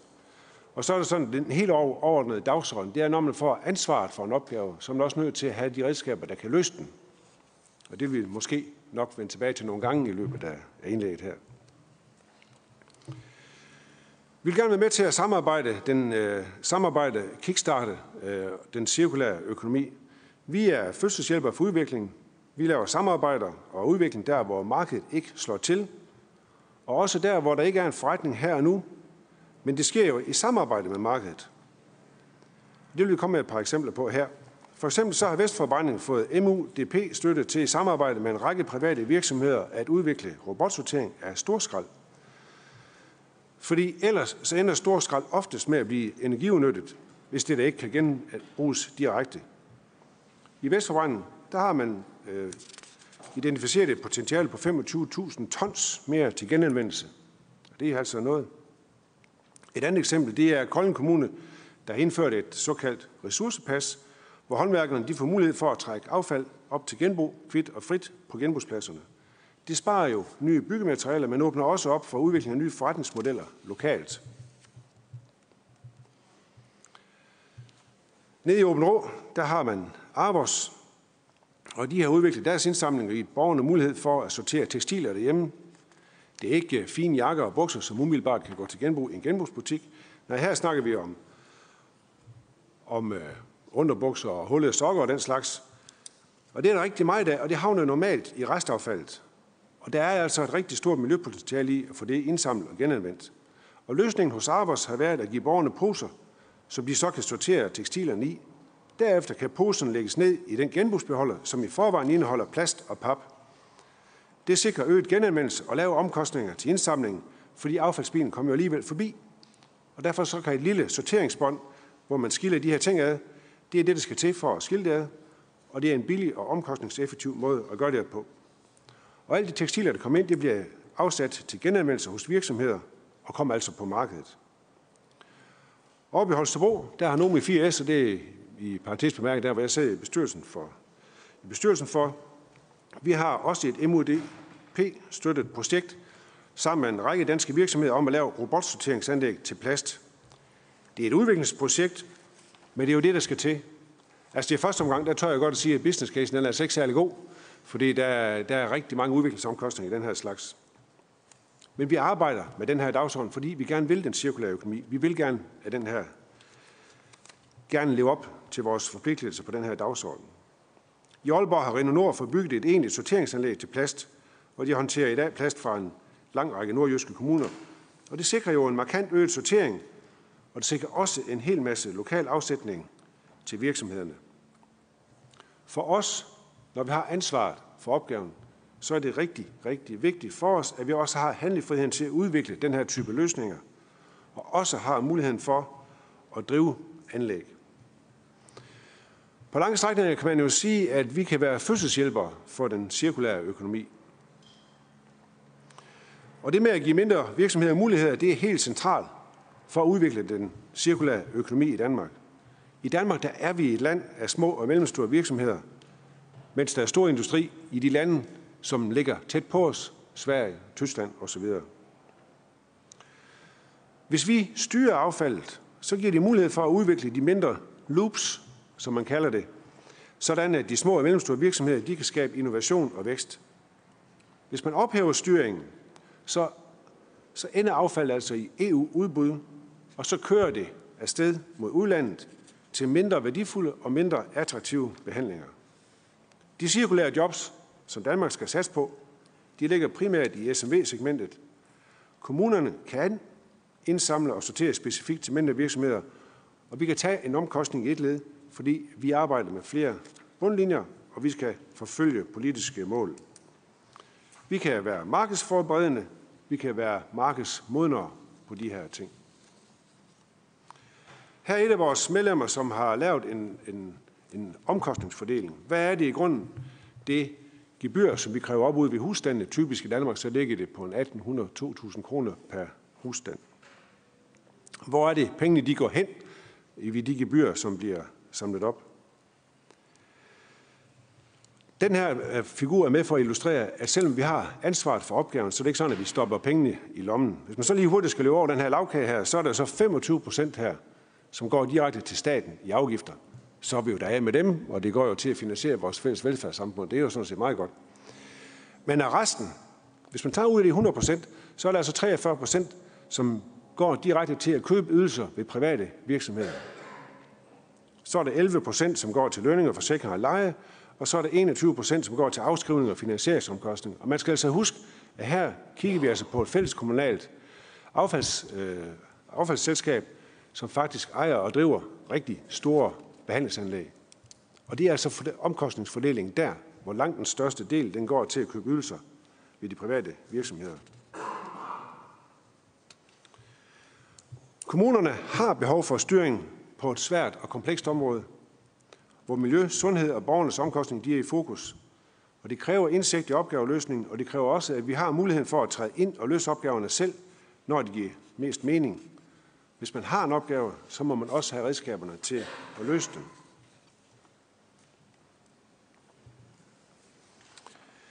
En anden side af kommunernes aktiviteter, det er støtte til lokale virksomheder. Bygge- og anlægsbranchen, de står for cirka en tredjedel af alt affald i Danmark. Og her kan kommunen via den viden, som vi har opbygget, også bidrage til at løfte de lokale virksomheders udvikling og arbejde mod cirkulær økonomi. Eksemplet her fra Aalborg Kommune viser jo, hvordan den viden, vi har om sektoren, og den viden, vi har opbygget, den kan bringes i spil og styrke dialogen på tværs af værdikæden. Her opnår man en høj genanmeldelsesprocent, men det er inden for nogle fraktioner, som i realiteten har en relativt lav værdi. Så vil vi vende os mod at snakke lidt om, hvad er det for nogle hvad er det for nogle ønsker, vi kunne have til fremtiden for at kunne sikre en fortsat udvikling af cirkulær økonomi i affaldssektoren. Det er et forslag, som vi mener vil skabe de bedst mulige betingelser for at realisere de kommende genanvendelsesmål fra EU, og det hele taget styrke Danmark i forhold til den cirkulære økonomi. Først, enklere affaldssortering. Ja tak, det var en del af Besenbakker-rapporten, som kom for halvandet år siden. Den dagsorden, den er vi gået aktivt ind i. Vi er helt med på at udvikle enklere, bedre sortering. Og det er også derfor, at både KL og Dansk Affaldsforening i samarbejde med Miljøstyrelsen har udviklet et fælles piktogramsystem, som skal harmonisere affaldskommunikationen. PT så er vi over 40 kommuner, som bruger det i større eller mindre grad, og der er også flere private aktører, der har taget det til sig. Oven på det så er vi i fuld gang med at lave fælles sorteringskriterier, sådan at piktogrammerne de dækker over det samme indhold. Så det er jo lidt ved, at du viser et billede, så folk de opfatter det forskelligt. Så derfor så er vi nødt til at have nogle præcise definitioner på, hvad er det i grunden, det dækker over. Og kort fortalt, så betyder det jo, at vi bliver enige om, hvad der må komme i spanden med papir, plast, pap osv. Målet med det her, det er at få borgeren til at sortere mere og sortere i bedre kvalitet, og dermed styrke virksomhedernes mulighed for at kunne bruge affaldet og til en bedre pris, og til syvende og sidst sikre, at vi opfylder EU-målsætningerne og i virkeligheden opnår nogle gode miljømæssige resultater til gavn for os alle sammen. Vi ser stor perspektiv i at udbrede de fælles løsninger for øh, sorteringskriterier. Man kan forestille sig, at de her piktogrammer de kommer til at sidde direkte på emballagen. Så er det godt nok nemt at sortere, hvis man kan kigge på piktogrammet og kigge på skraldespanden med det piktogram på. Det er der, det skal ned. Det er altså til at finde ud af for almindelige mennesker. Så kan man skabe sammenhæng, når man som borger skal bære sig korrekt ad. Man kan også forestille sig, at det vil bidrage til at skabe enklere og bedre emballager, hvis det synliggøres, at nogle emballager simpelthen ikke er egnet til genanvendelse. Og det hørte vi også om før. Det er der faktisk rigtig meget emballage, det ikke er. Og så skal man huske, at opstillingen til cirkulær økonomi, det er meget større end affald. For uanset al vores gode vilje, så kan vi altså ikke redde verden fra bunden af en skraldespand. Det kan vi altså ikke. Vi vil gerne give vores bidrag, vi vil gerne hjælpe til, men del af miljøbelastningen, den bliver jo bestemt lang tid før, at en ting havner som affald. Så vi bliver nødt til at tage livtag med emballage og produkter. Vi bliver nødt til at tage livtag med hele design- og produktionsfasen. Man kan også forestille sig, at de her piktogrammer og sorteringskriterier de udbredes til de steder, hvor borgerne de også færdes og producerer affald. Se, vi færdes jo ikke kun på tværs af kommunegrænser, men vi færdes jo også på tværs af offentlige og privatsfære. Og der er et stort potentiale i forhold til at opnå EU-målene, hvis biografer, storcenter, burgerbar, sportshaller, Roskilde Festivalen også sorterer i de samme affaldsfraktioner. Det vil kunne bringe os bedre, et bedre sted hen.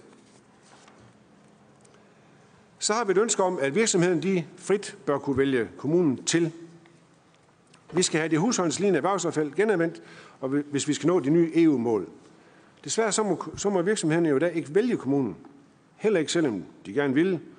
Og det betyder mange steder, at vi får mindre sortering. Jeg kan huske dengang de her nye regler om, øh, om det genanvendelige erhvervsaffald, det blev, det blev rullet ud. Så blev ringet op af en, øh, en virksomhedsejer. Han har en stor virksomhed, hvor han leger lyd og lysudstyr ud til festivaler og koncerter og den slags. Han får rigtig meget papind, som det her udstyr det kommer i. Han ringede mig op, og så skældte mod, jeg var formand for teknik- og miljøudvalget dengang, han skældte mod, hvor erhvervsfjendsk en kommune, stor kommune var, at han ikke måtte komme med det der pap på genbrugspladsen, og man var også holdt op med at hente det som storskrald. Jamen, kære Lars, var jeg nødt til at forklare, skal høre her, det er jo lovgivningsstof, det her. Det er fastsat i affaldsbekendtgørelsen. Vi må ikke røre ved det der som kommune. Det skal du selv finde løsninger på. Så selvom han gerne ville have brugt kommunen, så må han det ikke. Så vi ligger jo nogle begrænsninger ned over os selv. Konkret i Kalundborg, der havde man også en kommunal indsamlingsordning for madaffald, og det var der rigtig mange virksomheder, der var glade for. Men da opdelingen i husholdningsaffald og erhvervsaffald trådte i kraft, så måtte virksomheden ikke længere vælge den kommunale ordning. Problemet var, at det blev for dyrt, da mange af virksomhederne lå, hvor der var et stykke vej mellem husene. Og derfor så sorterer de virksomheder altså ikke i dag. Det de holdt op med, selvom kommunen rent faktisk godt kunne tage den med. Vi synes, at det vil være oplagt at give virksomhederne frit valg, så vil vi få større mængder. Det er ikke fordi, vi ønsker tvang, men vi ønsker en fri mulighed for at vælge den kommunale ordning. Præcis sådan, som man kan bruge genbrugspladserne i dag. Hvis man nærlæser forsyningsstrategien, og man behøver faktisk ikke nærlæse det særlig meget, så vil den, så vil den, øh, den mulighed jo blive lukket fuldstændig af. Og det vil vi være ked af. Så har vi arbejdet i Dansk Affaldsforening og i samarbejde med KL også om en øh, grøn kickstart. Det er simpelthen en model øh, til øh, fælles offentlige private anlæg. Formålet med modellen Grøn Kickstart den er todelt. Den skal maksimere miljø- og klimabeskyttelsen, og herundt sikre markant øget genanvendelse og til den lavest mulige pris. Og samtidig så skal modellen agere fødselshjælper for teknologi og metodeudvikling i affaldssektoren og bidrage til nye arbejdspladser i Danmark. Se, de krav om udbud og privatisering af kommunale anlæg, som forsyningsstrategien den kom med, dem kan vi ikke lide. Det sagde jeg også lige for lidt siden, og jeg kan gerne gentage det nogle flere gange, hvis jeg har lyst til at høre på det. Men i praksis, så vil udbud jo betyde, at borgernes affald det sendes ud af landet. Noget til behandling af vores nabolande, som har store anlæg til at stå, eller til en mere uvis skæbne i udkanten af EU. Vi vil gerne sikre miljøet, og vi vil gerne skabe jobs i Danmark. Generelt så er det svært at se, at private aktører de vil investere i noget uden lange kontrakter og garantier. Det er ikke vores ønske, fordi vi ser en stor risiko for, at kommunerne og borgerne de enten bliver, de bliver bundet øh, til, til monopoler. Og det er den model, som man kender fra, fra Storbritannien. Og der synes vi faktisk ikke, at man er et bedre sted, end vi er. Det var jeg nødt til at sige. I vores øjne så er vejen frem, det er at bygge på og bygge bro, og ikke at lede efter nogle forhindringer, som kan, kan spærre for en god udvikling. Vi vil gerne udvikle sektoren yderligere, og vi tror fuldt og fast på, at det sker bedst i et tæt og konstruktivt samarbejde mellem offentlige og private aktører. Vi bør tage det bedste fra begge verdener for at bringe os et bedre sted hen. Ideen det er at lade kommuner og virksomheder samle affaldsstrømmene fra erhverv og husholdninger og gå sammen om at få nogle anlæg og noget teknologi op at stå. Kommunerne skal ikke skabe overskud, men skal bidrage til udviklingen på et svært og komplekst område. Og derfor er det også vigtigt, at kommunerne har et incitament til at trække sig ud af de fælles virksomheder den dag, at man er klar til markedet. Alt i alt så mener vi, at modellen faktisk er en udstrakt hånd til de private virksomheder, og jeg er på Christiansborg. Vi vil gerne samarbejde om at udvikle den cirkulære økonomi, og vi er klar til at kigge på modeller, som kan bringe os fremad. Og så er det jo sådan, at modellen findes faktisk i Tyskland. Og hvis man kigger på de øh, ting, som øh, de statistikker, der ligger over genanvendelse, så ligger man faktisk rigtig godt i Tyskland. Og der er rigtig mange, der kigger til Tyskland. Hvor er det, hvad er det for nogle ting, som de gør, og som vi ikke gør? Billedet her, det er taget i Frankfurt, hvor FES har eksisteret i 20 år, og det er et af de ældste OPP-affaldsselskaber. Det kan altså lade sig gøre. Og derfor så synes vi, at man bør, i Danmark bør kigge udogmatisk på at udvikle en lignende model i Danmark. Og i den sammenhæng, så skal man måske lige gøre sig klart, at de der offentlige private selskaber, de ligger lige syd for grænsen, med sikkerhed i ryggen og anlæg. Hvis vi slipper styringen, så kører borgernes affald i vid udstrækning bare derned, og så følger arbejdspladserne med, og det så følger udviklingen også med derned. Vi vil gerne anbefale bedre rammer for samarbejde og i reelle fællesselskaber, sådan at vi kan få lokal afsætning af affald og grønne arbejdspladser i den cirkulære økonomi. Endelig så skal jeg gentage de tre centrale pointer, som vi møder op med øh, til den her høring i dag. Vi vil den cirkulære økonomi, og vi arbejder for det hver dag. Vi arbejder for at udvikle en reel cirkulær økonomi, og det handler i virkeligheden i begrænset omfang om affald, og i højere, i højere grad om, hvordan og hvad vi producerer og forbruger, altså design- og produktionsfasen. Vi skal løfte vores del af ansvaret, og det vil vi rigtig, rigtig gerne. Samlet set så kigger vi ind i en fremtid, hvor vi skal samarbejde mere. Vi har masser af gode idéer til, hvordan det kan foregå. Vi har fået nogle af de mest centrale her i dag. Og endelig, så vil jeg gerne sige tak for lejligheden til at komme her og fortælle lidt om, hvad vi gør i kommunen. Tak for det, både til Kenneth Mus fra KL og Mads Jacobsen fra Dansk Affaldsforening.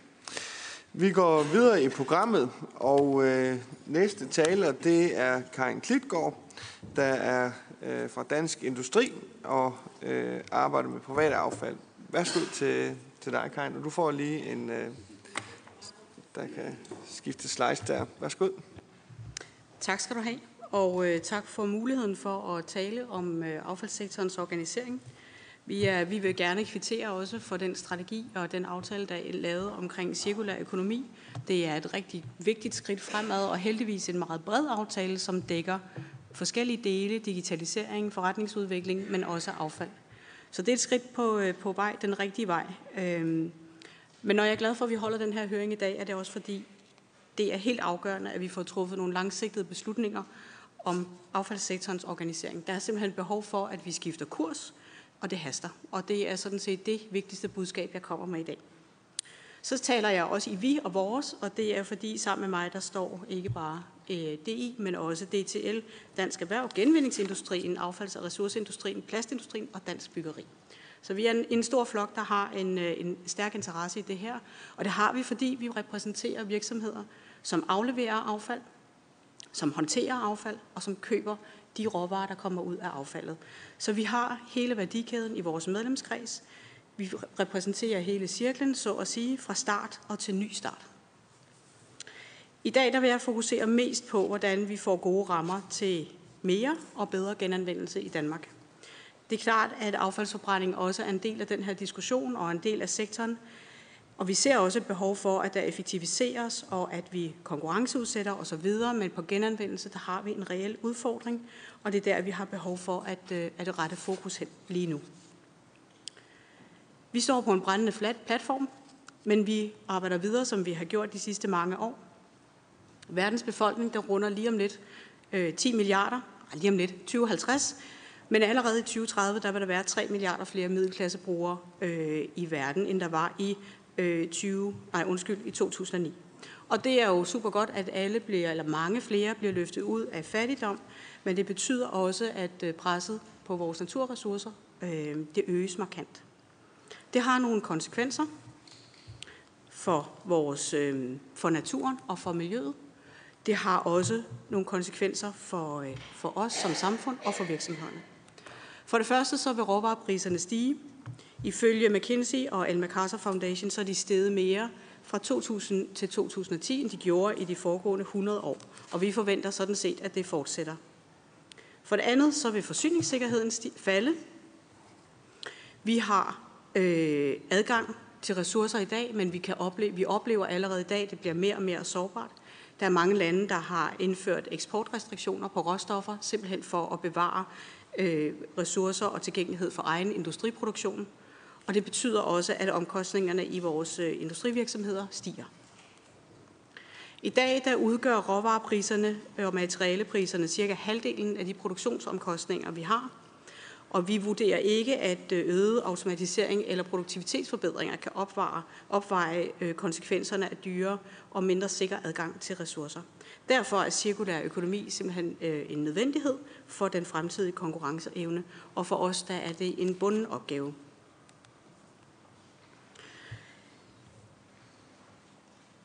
Ressourceknapheden den har ikke vist sig i alle brancher endnu, men vi kan se det både i Danmark og i EU og internationalt, at vi kan ikke blive ved med at forbruge og smide væk. Vi er simpelthen nødt til at holde ressourcerne inde i kredsløbet. Der er ikke alene en stor gevinst ved at omstille til cirkulær økonomi, men vi har faktisk også store risici ved at fortsætte, som vi gør i dag.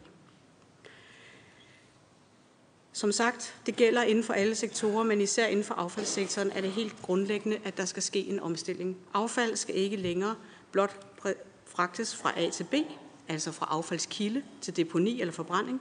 Vi skal have det igennem specialiseret anlæg, uanset om det er kartoffelskralder, der bliver til biogas eller gødning, eller om det er lysstofrør, som skal blive til genanvendt glas eller metaller. Alt sammen noget, som indgår i nye produkter. Affaldssektorens omstilling, den kan på mange måder sammenlignes med elsektorens. Vi har simpelthen behov for innovation, vi har behov for investeringer, vi har behov for effektiviseringer, vi har behov for, at det bliver professionaliseret og for, at det bliver industrialiseret. Og derfor så mener vi, at den bedste måde at komme videre på, det er simpelthen markedsdrevne og omkostningseffektive løsninger. Det er helt afgørende, at vi får en økonomisk effektiv omstilling, også af hensyn til den danske konkurrencekraft. Fremtidens affaldssektor den skal stadigvæk tage sig af borgers og virksomheders affald. Men det er ikke nok, at vi minimerer og fokuserer på miljø. Vi er simpelthen vi skal fokusere på at minimere fokus på affald. Og det vil sige, at vi skal arbejde hen imod, at mindre og mindre affald ender på et deponi eller som brændsel, og at mere og mere bliver genanvendt og indgår i ny produktion som nye råvarer og i en stadig bedre kvalitet. Og det er de fleste jo enige om. Alligevel så går det øh, relativt langsomt i Danmark. Vi har i overvis talt om en øh, grundlæggende ny organisering af affaldssektoren, men der sker ikke rigtig noget. Beslutningerne udebliver, og vi kan se, at udviklingen går den forkerte vej. Når vi ser på vores egen, altså Danmarks evne til at genanvende affald, så er vi faldet fra en 8. plads i 2010 til en del 10. plads i 2014. For os at se er der minimum to problemer i det. Det ene er, at en alt for høj andel stadig forbrændes. Selvom de danske forbrændingsanlæg de er verdens bedste til at energiudnytte, og det skal vi være glade for, så ændrer det ikke ved, at brændt affald ikke kan genanvendes. Og det andet er, at de tal for genanvendelse, som vi har, som I også nævner, det er jo tal, som handler om indsamlet til genanvendelse. Det er ikke et udtryk for, hvad der rent faktisk bliver genanvendt. Det, der bliver genanvendt, det gemmer på store mængder bygge- og anlægsaffald. Vi knuser det og lægger det under veje, bygninger og andre byggeprojekter. Det minimerer jomfru, brugen af jomfruelig og frisk jord og grus, men det er jo ikke cirkulær økonomi i en kvalitet, som vi gerne vil have. Og samlet set er bundlinjen for os at se, at vi forbrænder alt for meget og genvinder alt for lidt. Genanvender alt for lidt, undskyld. Og derfor har vi behov for en ny organisering. I Danmark der tog vi hul på diskussionen om en ny organisering af affaldssektoren i 2002.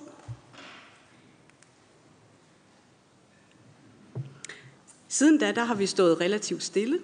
Verden omkring os har flyttet sig voldsomt. Vi kom først, da det handlede om at flytte affaldet fra lossepladserne og ind på forbrændingsanlæggene og udnytte energien. Og nu, 15-20 år senere, så er vi ved at sakke godt og grundigt bagud, når vi handler om cirkulær økonomi og ikke mindst øh, ressourcecirkulation. Vi har gode strategier, der peger den rigtige vej.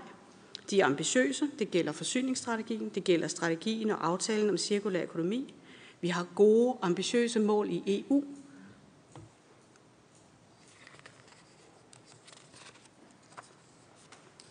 Vi har ikke behov for flere lappeløsninger. Vi har behov for, at der tænkes stort og visionært og industrielt. Vi skal forandre affaldssektoren grundlæggende og strukturelt, og vi har behov for, at det bliver gjort snart. Den gode, mulighed er jo, at den gode nyhed er jo så, at det faktisk er muligt, og det ikke er for sent. Og det er her i lokalet, øh, og især folketingspolitikerne, der sidder med, med hånden på den knap, der kan trykke på go, øh, så vi kommer i gang. Fordi de beslutninger, vi træffer, de kan have kæmpe store positive konsekvenser. Men det gælder også omvendt, at hvis vi ikke træffer nogle beslutninger, så har det også vidtrækkende konsekvenser, og de vil så til gengæld være negative.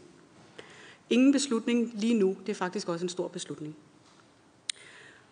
Uanset om vi har et kommunalt, et landspolitisk eller et privat afsæt, så har vi alle sammen en fælles interesse i, at vi har nogle klare mål og visioner.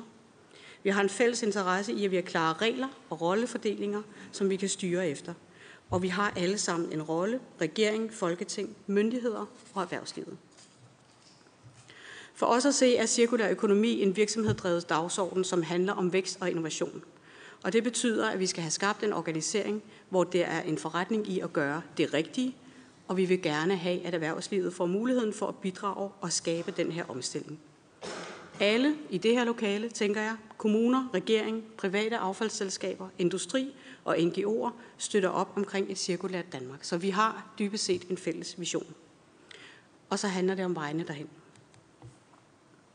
Der er en hel perlerække af grundlæggende og komplekse udfordringer, som vi heldigvis kan løse. Men den helt grundlæggende udfordring, vi har, det er, at vi kigger på affald som et problem, frem for at være noget, der har en værdi, og som kan blive til råvarer, og som kan blive til nye produkter. Vi har identificeret syv problemer, som vi skal have løst. Det første har jeg sådan set øh, omtalt. Vi producerer mere og mere. Vi skaber mere og mere affald, og vores evne til at sende ressourcerne i kredsløb igen igennem genanvendelse, den følger ikke med. Andre lande løber simpelthen hurtigere end os lige nu. Det andet problem er, at vi indsamler og sorterer forskelligt rundt omkring i Danmark. Vi er et lille land, både demografisk og geografisk, og vi har ikke behov for mange forskellige indsamlings- og sorteringsløsninger. Det kræver store og ensartede volumener, hvis vi skal have investeringer i teknologi, som kan gøre genanvendelse rentabelt. Og så skal vi dreje vores fokus, så vi ser på muligheden for at afsætte affaldet som nye råvarer på markedet, når vi udvikler sorteringskriterier. Det tredje problem kommer af, at omstilling til cirkulær økonomi kræver investeringer.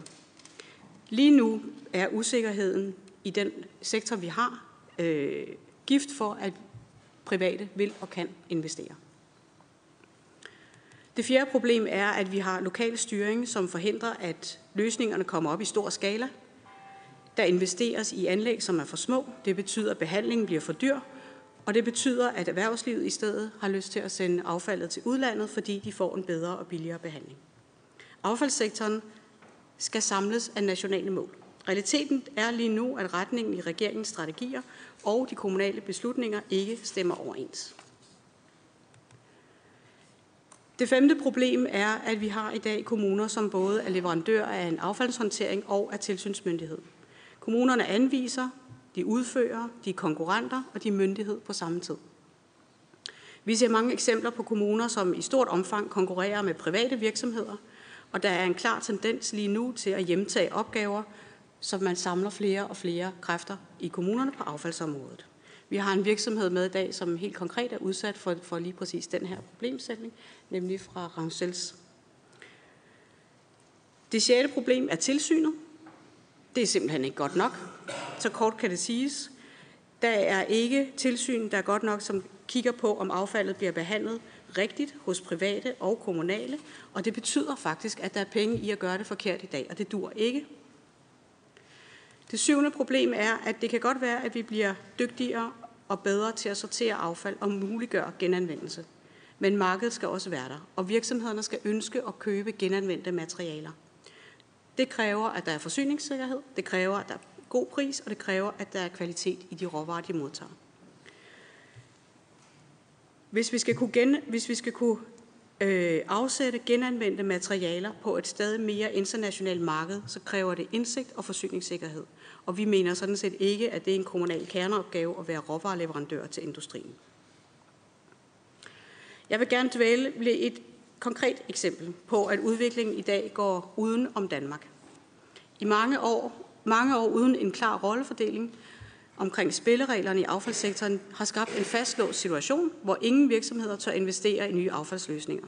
Vi har set eksempler på virksomheder i den danske affaldssektor, som vælger Danmark fra, men i stedet investerer i anlæg i Polen eller i Sverige. Stena Recycling, som også er med i dag, øh, kan fortælle meget mere om den historie. Vi sender altså affald, investeringer og forretningsmuligheder ud af landet, fordi vi ikke har de rette rammebetingelser til, at de private vil investere i specialiseret genanvendelsesanlæg i Danmark. Mange problemer. Heldigvis så er løsningerne til at overskue, og de kan deles op i tre kasser. Først så er der de nationale rammer. Nationalt er sigtekornet et reguleret affaldsmarked, hvor virksomhederne får lige adgang til at konkurrere om affaldet og på lige vilkår. Vi skal have kigget på det her marked på et ens, ensartet reguleringsmåde, og, der skal være, øh, og det skal være på national plan. Der skal stilles ensartet og ambitiøse nationale mål for genanvendelse, og vi skal have konkrete krav til miljø, sundhed, sortering og høj kvalitet i den ressourceudnyttelse, som vi gerne skal ud af det. Og så har vi brug for et stærkere og mere risikobaseret tilsyn, som selvfølgelig også helst skal være ensartet over hele landet. Vi ser gerne de lokale Encaso kommunernes rammer ændres. Vi har behov for en stærk myndighed på affaldsområdet, som sikrer, at vi retter fokus mod det rigtige, nemlig højere og bedre genanvendelsesprocenter. Vi mener, at kommunerne skal tage afsæt i nationale sorteringskrav og tilpasse kildesortering og indsamlingsordninger – Vi vil meget gerne have fjernet anvisningsretten. Affaldet skal konkurrenceudsættes på et reguleret marked. Så muliggør det, at de private bedre kan konkurrere om at løse opgaven bedre og billigst, hvor den, der lever op til den rigtige pris og kan tilbyde de bedste løsninger og leve op til alle mål, vinder opgaven. Og til sidst er der virksomhederne. Virksomhedernes rolle er at være med til at udvikle og investere i ny teknologi, metoder og de bedste løsninger, så vi kan leve op til vores nationale mål, og så de kan vinde opgaver. Virksomhederne vil have et konstant fokus på at få mest muligt ud af affaldsressourcerne gennem høj kvalitet. Så har de bedre afsætningsmuligheder, og de skal simpelthen levere produkter, som der kan sælges til andre virksomheder. Virksomhederne skal også være klar til at være åbne om kvalitet og behandling, blandt andet gennem certificeringer og standarder. Og så vil de gerne konkurrere om de mængder, der er. Der er ingen virksomheder, der gerne vil have ene ret. Vi vil gerne have lov til at konkurrere på ensartet og sikre vilkår. Det handler altså om, at vi får vendt blikket 180 grader, så vi tager afsæt i de eksisterende kommunale løsninger og behov, eller så vi frem for at tage afsæt i de eksisterende kommunale løsninger, tager afsæt i markedet og dem, der skal købe de nye råvarer i fremtiden. Det foregår efter vores bedste overbevisning bedst på kommersielle vilkår, hvor det er virksomhederne, som gennem konkurrence på det private marked fremmer innovation, justerer investeringer i ny teknologi, så det tilpasses efterspørgselen. Nationalt og lokalt hos kommunerne vil myndighederne på affaldsområdet have en rolle med at styre udviklingen i affaldssektoren og dermed også sikre, at både nationale og europæiske genanvendelsesmål nås. Så i virkeligheden er løsningen relativt enkel. Vi har behov for et reguleret marked, hvor der er en klar adskillelse mellem kommunal og privat. At vi har et ensartet marked, så vi kan slippe affaldet frit og åbne op for nye og innovative løsninger. At vi har ensartede nationale kriterier for affaldssortering og indsamling, så der er fokus på, hvad vi rent faktisk kan genanvende, og ikke hvad vi kan indsamle. Vi har behov for, at løsningerne kommer op i stor skala. Så giver det rentabilitet i investeringerne til gavn for både virksomheder og borgere. Vi skal stille krav til behandling og serviceniveau gennem udbud, så markedet ved, hvad der kan forventes, og så de kan udvikle de rigtige løsninger.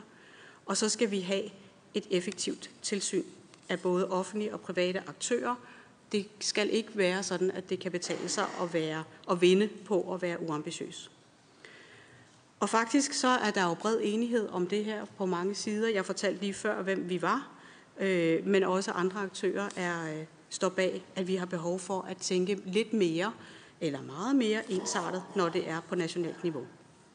Det er ikke nok med vejledninger og småjusteringer, og derfor så er vores bøn til regeringen, at I får taget hul på at forhandle en aftale om de strategier, eller den, som I allerede har præsenteret, nemlig forsyningsstrategien, og til oppositionen, at I går aktivt med og medvirker, for vi har behov for, at der er et samlet folketing bag ved løsningen. Vi er helt med på, at det her ikke er let. Og vi er også med på, at det kræver overgangsordninger, ikke mindst af hensyn til de investeringer, der allerede er foretaget. Men det er faktisk muligt. Tak for ordet.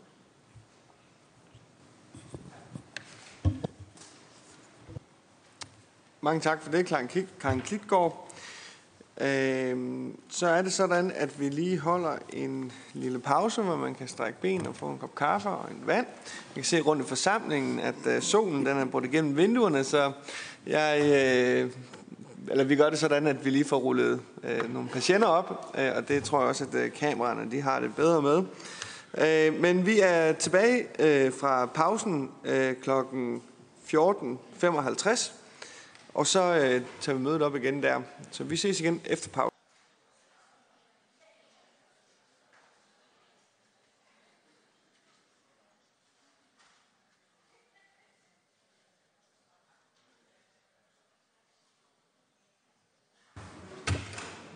Velkommen tilbage efter pause, og vi tager hul på del 3 i øh, programmet, og vi har fået rullet patienterne ned, så der er et bedre klima, indeklima i hvert fald, måske stadigvæk lidt lun i forhold til, til før, men det skal jo ikke være ligesom nordisk fjerds direktionsmøder, hvor man sad og blev helt døsig, for at man ikke skulle opfatte alt, hvad der blev sagt.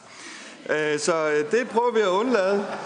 Øh, vi gør det på den måde, at øh, vi nu kommer til den del, som vi kalder opponeringsdelen, hvor man har mulighed for at opponere mod hinandens øh, øh, oplæg, og vi gør det på den måde, at vi starter med, at den øh, kommunale affaldssektor får mulighed for at øh, kommentere på øh, øh, industriens øh, oplæg, øh, og så øh, gør vi det omvendt øh, bagefter, og til sidst så bliver det så, øh, ja nu kommer jeg måske til at fornærme nogen, men så jer, som vi kalder eksperter, der kan opponere sammen med politikerne. Men øh, værsgo til kommunale affaldssektor.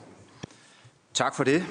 Uh, man burde måske starte omvendt. Vi er to, der vil øh, nu opponere, uh, og uh, jeg vil gerne starte med at sige tak for et meget spændende indlæg uh, fra uh, Karen Klitgaard, uh, og hilse velkommen, at vi jo deler et fælles ambition om den cirkulære økonomi, om at vi skal i mål med løsninger på hele miljøområdet, at øh, der er behov for, at vi øh, har et stærkt samarbejde, og i virkeligheden, som jeg også tillod mig at høre, at der er en kvittering langt øh, hen ad vejen, så er der en diskussion om det går hurtigt nok, om man har flyttet sig nok, og øh, den modus, der skal være fremadrettet for øh, at komme videre. Men en stor ros for, at, at vi i virkeligheden bærer et, en, en fælles øh, ambition. Øh, jeg vil tillade mig lige at lave et par nedslag. Det første, øh, det er der, hvor at øh, I adresserer kommunernes tilsyn. Det er jo sådan, at da vi ikke længere skulle tage os af den del, hvor vi liberaliserede det affald, der er det private erhvervsaffaldet, ja, der fulgte så heller ikke pligten efterfølgende med til at, at kontrollere. Men vi indgår i KL meget gerne med at udbygge et samarbejde omkring den kontrol, at vi som tilsynsmyndighed føler er vigtigt, vi har, fordi der er en vigtig pointe i, at øh, vi følger det, at borgerne må kunne forvente det ude, når vi kildesorterer, når vi har en ambition om at skabe cirkulære øh, økonomier og få, hvad hedder det, håndteret vores øh, fraktioner korrekt, at vi også derefter kan påvise, at rent faktisk er det, der sker. Jeg er meget enig i din pointe. Det duer ikke der, hvor at virksomheder føler sig kaldet til, at man kan gøre, gå udenom systemet og i virkeligheden ikke leve op til de krav, der er. Men i KL, der hilser vi som sagt meget velkommen at, øh, at, at tage en snak om at lave yderligere kontrol af, at vi kan sikre, at det, der egentlig forventes, at det også er det, der sker. Blot lige sige, at vi i dag udfører øh, miljøtilsyn med 4500 godkend, eller godkendelsespligtige virksomheder og 300 affaldshåndterings- øh, eller affaldsbehandlingsvirksomheder. Og derudover så fører vi stikprøvebaseret tilsyn på en lang række virksomheder. Så vi er derude og fører øh, tilsyn. Men som sagt, det vil vi gerne øh, være med til at diskutere, hvordan kan vi gøre det bedre. Så er der i forhold til, hvad hedder det, det her med standardisering, øh, hvor at vi er enige om, som det også blev nævnt af Mads, med at vi skal have nogle fælles standardiseringer, piktogrammer, at vi kommer derud, så at man har en, både en adskillelse af de materialer, der er nævnt plast her i dag, som er anvendelse eller er øh, egnet til at gå ind i kredsløbet, men vi får langt bedre sortering, og vi får helt ud i borgerledet, men også i virksomhederne. Det er vi meget enige i, men i KL og i kommunerne ønsker vi stadigvæk at have en fleksibilitet i forhold til startende fra de muligheder, vi har for at lave indsamling, men også at gennemføre og håndtere det, der ligger i regi heraf. Fordi der er meget store lokale forskelle, der ikke bare kalder på en standardisering og fælles store løsninger. En anden del af det, øh, det er også at nævne her, at vi også kan være bekymrede for det, som at det at pulje op i store mængder, hvor vi som en godt forstår, argumentet, men risikoen for, at de små virksomheder, som vi jo er fagnet af, som er øh, det Danmark spiller, altså hvis vi skal skabe en, eller en håndtering, så skal det jo også være i forhold til de virksomheder, vi har. Derfor så kan vi være nervøse for, at der, hvor vi kun taler store mængder, og også udelukker en masse af de små lokale virksomheder, som er underskoven ude i de danske kommuner. Og det er vi faktisk ret interesseret i også at håndtere. Så på det sæt, så er der en, en, en, en opgave at finde en vej ind igennem, øh, men dog uden man udelukker at den innovation, som jeg også hørte, der blev talt om, at, at øh, den kan fortsætte øh, i godt samspil mellem os som det offentlige system og de private erhvervsvirksomheder. Så vil jeg anholde, øh, tillade mig at anholde den del, hvor at vi dels i kommunerne er, er sådan fortaler for bare at stikke ild til alt affaldet, for at sige det sådan lidt for simpelt. Det mener vi ikke er korrekt, og var lidt nysgerrig på de tal, der bliver nævnt, øh, om I kunne sådan elaborere lidt på det. Derudover de her affaldsmængder, det er jo sådan i dag, at cirka to tredjedel af de affaldsmængder indsamlet, det er jo erhvervs. Og derfor så sidder erhvervet jo på en størstedelen af det affald, og man kan sige at gå i gang med at bearbejde det og få den cirkulære øh, strategi foldet ud, er der jo en rig mulighed for. Vi medgår meget gerne til, at, som vi også har nævnt, at udvide øh, den del. Men der er jo i dag øh, de store mængder, de sker jo i det, er, det erhvervsmæssige område. Og derudover kan man sige, at vi har ikke noget ønske om i kommunerne at sidde på affaldet. Vi er sådan set ikke der, hvor at det er for os et, et, øh, et ønske, en kernevelfærdsopgave, at vi ikke skal have det ud til bearbejdning eller videre proces i det private. Men der er jo også den del i det, der er jo ikke et reelt marked, fordi når vi ser på affaldsprisen, så er der jo en del af fraktionerne, der ikke er penge i. Og det vil sige, dem er man jo alt andet lige ikke interesseret i og skal håndtere, men de skal også håndtere. Så der er en problemstilling her, hvor at, øh, vi mener, at øh, der skal findes nogle løsninger. Ja. Jamen, jeg tror, du kommer rundt om det i første omgang. Tak for det. Mange tak for det.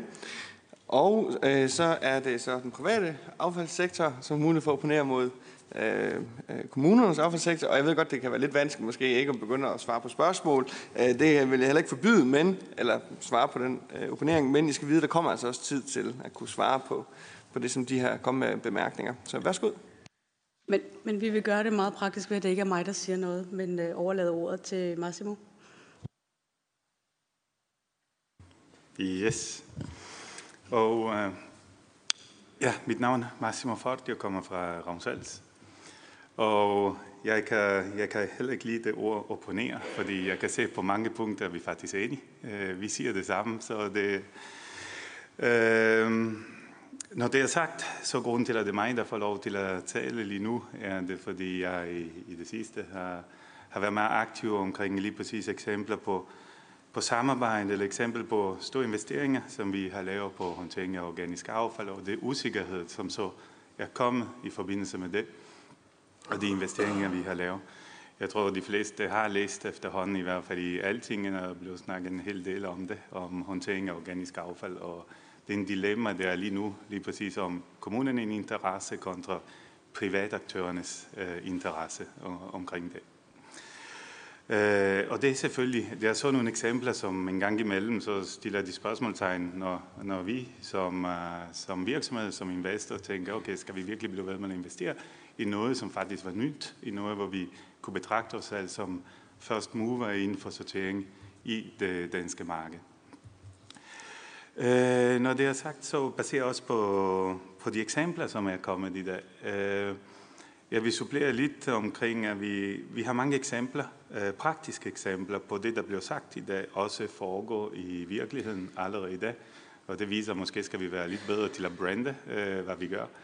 Øh, når vi taler om sortering og lysten til at investere fra det private, fra, med hensyn til affald fra det husholdning, vi har en tysk aktør, øh, Rejling i Næstved, der har et sorteringsanlæg på glas. Det meste kommer fra husholdningsaffald, og de har taget en stor chance ved at investere i Danmark og lave Skandinaviens største sorteringsanlæg for glas fra prime, fra husholdninger. Uh, vi har, der var diskuteret rigtig meget på en uh, fraktion, uh, som, uh, som I alle sammen har snakket lidt om, og det var elektronikaffald, og hvad det bliver gjort, og hvor vigtigt det er faktisk, at elektronikaffald ikke øh, kun er metalgenanvendelse, men man genbruger, og man tester, og det er det, som vi gør allerede i dag. Uh, vi har eksempler, hvor vi, uh, hvor vi faktisk tester meget udstyr. Vi, vi, vi tester lige frem ned til strygjern, så, så bliver det solgt igen i stor skala, både i Danmark og uden for Danmark, og det gør vi på skærme, det gør vi på, på mange fraktioner. Det gør vi, det er vi flere aktører allerede i dag, der agerer faktisk øh, ind øh, for det område. Og der kunne jeg komme også med, med flere konkrete eksempler, og også øh, når vi taler stadig om husholdning, og, og meget fokus om negative priser, positive priser. Jeg tror farlig affald er den, hvor man har sat til størst. Der er negative priser, og der er de private aktører, der har investeret på at finde måde for at genanvende farlige affald, som absolut defraktion, hvor der er det største negative værdi øh, indenfor. Så har vi diskuteret lidt meget også om øh, eksport af affald, og vi vil næppe se et land, hvor alt affald kommer ud af Danmark. Og så hvis skyld er det. Øh, det er faktisk rigtig svært. Altså, vi, vi skal finde den måde. I dag, hvis vi kigger på de krav, der bliver stillet i EU-udbud, det har udviklet sig for det meste handler 100% pris i udvælgelseskriterier. Der er ikke noget, der tager hensyn til nærhedens princip. Der er ikke noget, der tager hensyn til lokale arbejdspladser. Det er 100% pris. hvad gør vi så? Så vælger vi selvfølgelig de mest effektive anlæg, der findes. Desværre, på grund af størrelsen her i Danmark, så findes de mest effektive anlæg ikke her på dansk jord. Det tvinger os faktisk til at sige, okay, men så er vi nødt til at eksportere de friktioner, fordi så puljer vi de danske affaldsmængder, sammen de tyske eller sammen de svenske, som har meget større affaldsmængder at gøre godt med. Men det er ikke et privat aktørs valg. Det er ligesom et part of the game, hvor udbudskravet siger 100% pris. Fair enough, det er det, vi lever op til, og så finder vi den mest effektive løsning. Lever man om på udbudskrav, så vil vi også selvfølgelig kunne lave om på det.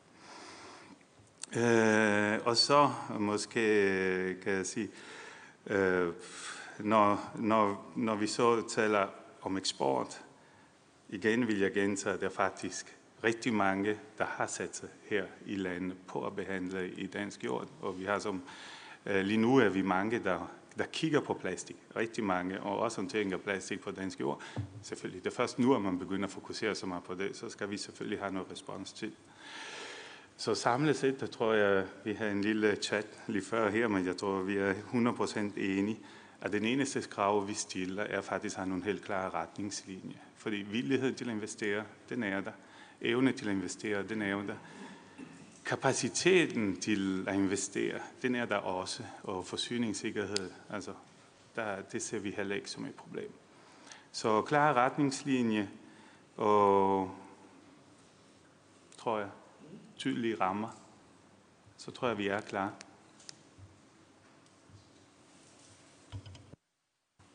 Tak for det.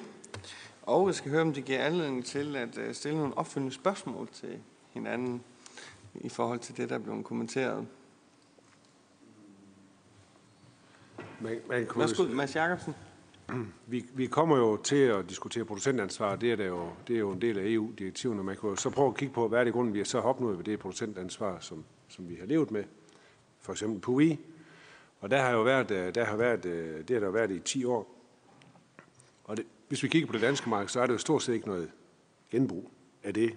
Vi har estimeret det til omkring en procent. Det er jo næsten ingenting. Øh, til trods for, at det faktisk er 50.000 tons og sådan noget, Øh, Øh, det svarer nogenlunde til vægten på Eiffeltårnet. Så det er noget. Og vi har jo fået øh, gennemgået nogle tal her, der viser, at 25 procent øh, vil umiddelbart kunne bruges, som det er.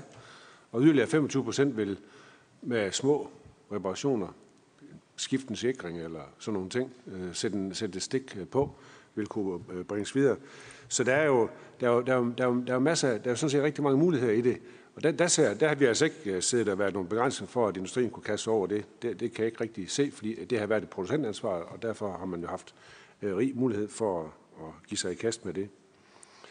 Og så skal jeg bare øh, gentage, at selvom, selvom at, øh, at de kommunale affaldsselskaber ejer den største del af forbrændingskapaciteten i Danmark, så forfølger vi faktisk politiske mål om at fiske ting ud af ovnene, og det gør vi faktisk systematisk, og vi dokumenterede det med eksempler før, hvor meget, hvis man simpelthen systematisk i det enkelte selskab arbejder med at trække ting ud af ovnen, hvor meget man rent faktisk skal flytte, og det er altså rigtig, rigtig mange tons, og det dokumenterede, dokumenterede vi med eksempler både fra Argo og fra, fra Vestforbrænding. Så det er en, en, en dagsorden, som vi forfølger. Ja. Tak til Mads Jakob fra Dansk Affaldsforening. Og værsgo til Ulf Andersen. Ja. Øh, jeg jag beklagar min bornholmske accent, men øh, jag ska pröva att göra mig klar. Øh, När vi kommer till WE-direktivet så tror jag att det var Mikael som sa det tidigare att det är dåligt implementerat. Och det tror jag vi kan vara eniga om att det är i hela Europa. Det har varit fokuserat, precis som Massimo var inne på, på omkostningar och på lägre pris. Kraven på, på genbruk, kraven på genanvendelse har varit dåliga och tillsynen på det har också varit dålig. Eh, så jag tror att, att det är till att ta läringar. Eh, och nu vet jag att det finns ett arbete på att, att eh, säga, stöva om hur vi ska göra ett producentansvar. Eh, ett producentansvar vi har som fungerar och verkar är bilkarosser, gamla bilar. Där 5,5 procent ska genvinnas eller nyttiggöras. För att nå det målet så investerade vi halvfjerds miljoner danska kronor i Grenå här för två år sedan. Eh, och nu når vi det målet. Och det gör jag för att jag vet att jag har försyningssäkerheten för att investera i sånt anlägg. Eh, och det är det som är avgörande. Så att, eh, när det kommer till ditt andra spörsmål här eh, så har jag glömt nu lite vad det var. Ditt andra spörsmål, kommentar.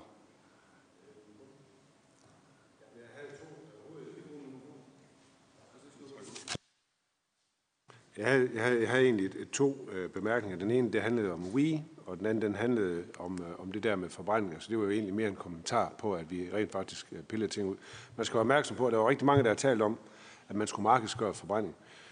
Og det er sådan, det er sådan, at hvis man markedsgør noget, så er det altså en fordel, at det er noget, der er i vækst. Altså. Og det er det, jeg tror, at der er en almindelig erkendelse af, at øh, forbrænding, vi har hørt også om det før, det, men det sidste, man skulle gøre, det var at stikke ild til sådan noget plastik, var ikke det, du sagde?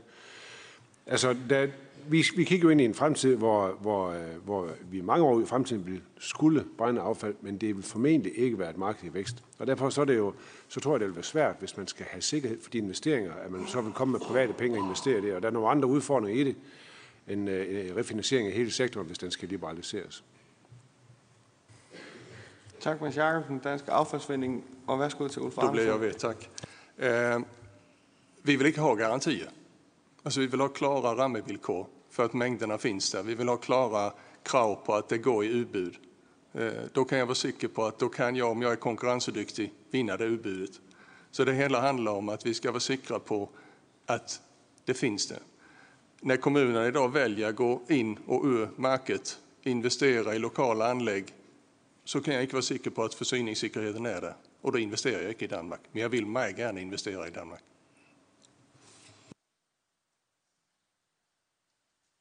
Mange tak for det. Og værsgo til Ken Mus fra KL. Det var flot en opfølgende kommentar til det, øh, hvor vi i kommunerne sidder, øh, og i forhold til det, du netop adresserer her, hvor man i det private sidder jo på to tredjedel af de mængder.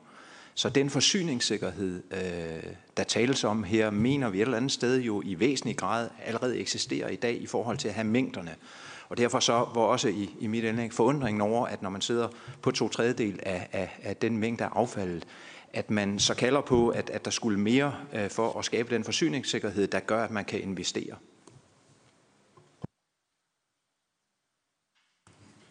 Tak for det, og værsgo til Niels øh, Bukholdt.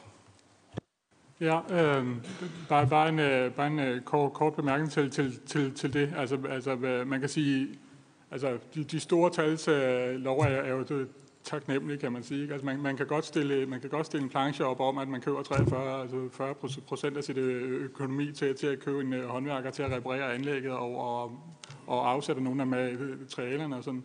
Og altså tilsvarende kan man også sige, at, at, at ja, det er rigtigt, at erhvervsaffaldet udgør hovedparten af det.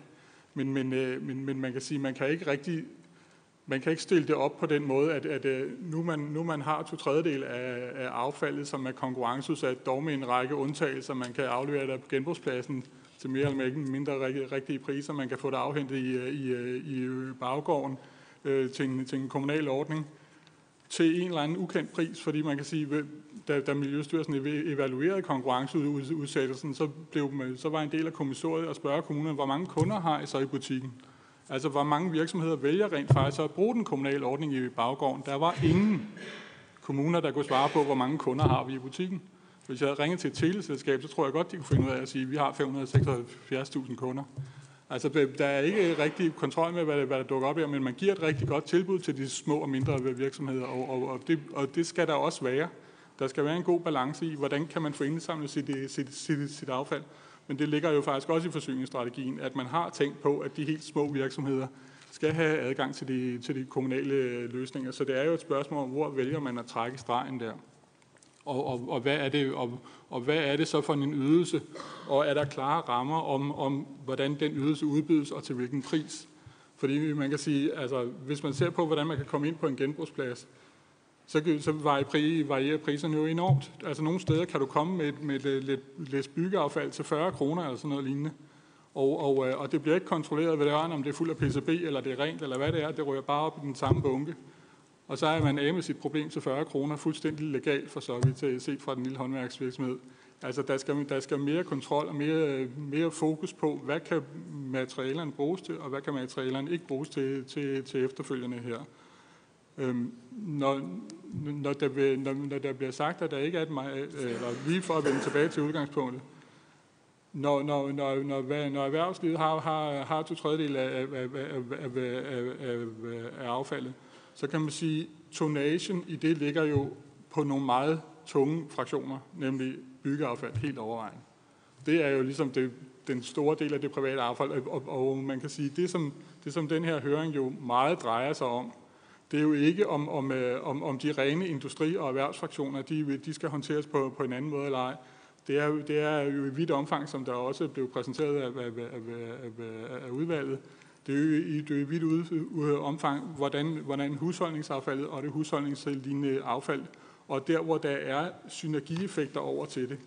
Altså, vi, vi kan jo ikke bygge det, vi kan jo ikke bygge det anlæg, det går jeg ikke ud fra, at nogen forestiller sig, heller ikke på kommunal side, at, at, at, at, er det et øh, anlæg som, øh, som øh, Massimo, eller det, som kommunerne gerne vil bygge med til lige, lige ved siden af på Fyn nu her, skal håndtere byggeaffald ved siden af det organiske affald fra, fra, fra husholdningen. Der er jo ikke nogen synergieffekt der. Man kan jo ikke sige, fordi du har 500.000 tons byggeaffald, så, vil, så har du også en konkurrencefordel i forhold til 100.000 tons organisk affald. Altså, altså sådan fungerer verden jo ikke. Så, så, altså affald er jo en mange uhyre med rigtig mange forskellige fraktioner i, og, og så, så man kan sige, hvis vi skal skabe en løsning på det, der hedder dag, dagrenovation og dagrenovationslignende affald, så er det jo der, vi skal have fokus. Og der må man jo sige, at der giver det et problem for, for virksomheder som, som, som Stena og Raxel, når de investerer i at, i at håndtere den, den fraktion, og så må opleve, at kunden kan så vælge, at enten så udsorterer vi det alligevel ikke, eller så udbyder vi det ikke, så bygger vi vores eget anlæg, og vi bygger det egentlig også stort nok til, at vi jo på talrige lejligheder, som også den her høring siger, at vi vil også gerne have fat i erhvervsaffaldet. Og så begynder det at blive rigtig svært, ikke? fordi så sidder man med en kommunal garanti i ryggen for, for det anlæg på den ene eller den anden måde. Fordi hvis der ikke er en business case, så låner man ikke de penge i banken, som, som, som I lagde op til i jeres oplæg. Og, og så, vil, så, må man, så må man sige, så er der ulige konkurrencevilkår. Og det skaber usikkerheden, og det fjerner investerings- og udviklingen. Og, og det der Ja, vi bliver nødt til, vi bliver nødt til at, at runde af, fordi tiden er løber, øh, og vi skal nå at svare, men det var nogle øh, gode input, som man selvfølgelig skal have lov til at kommentere på, også fra anden side af. Øh, værsgo til Mads Jakobsen, Dansk Affaldsforening.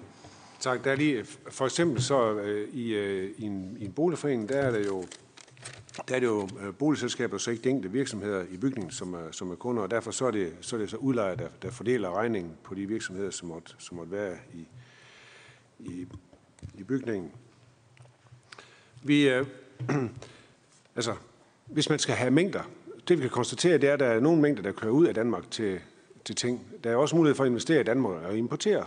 Altså, så, det, så den der øh, begrænsning på at investere og have den forsyningssikkerhed, vi vil gerne hjælpe til med det, og derfor så vil vi gerne være med til at kigge på de der øh, øh, altså fælles indsamlingskriterier, som vi øh, nævnte i vores indlæg. Det vil vi gerne hjælpe til med.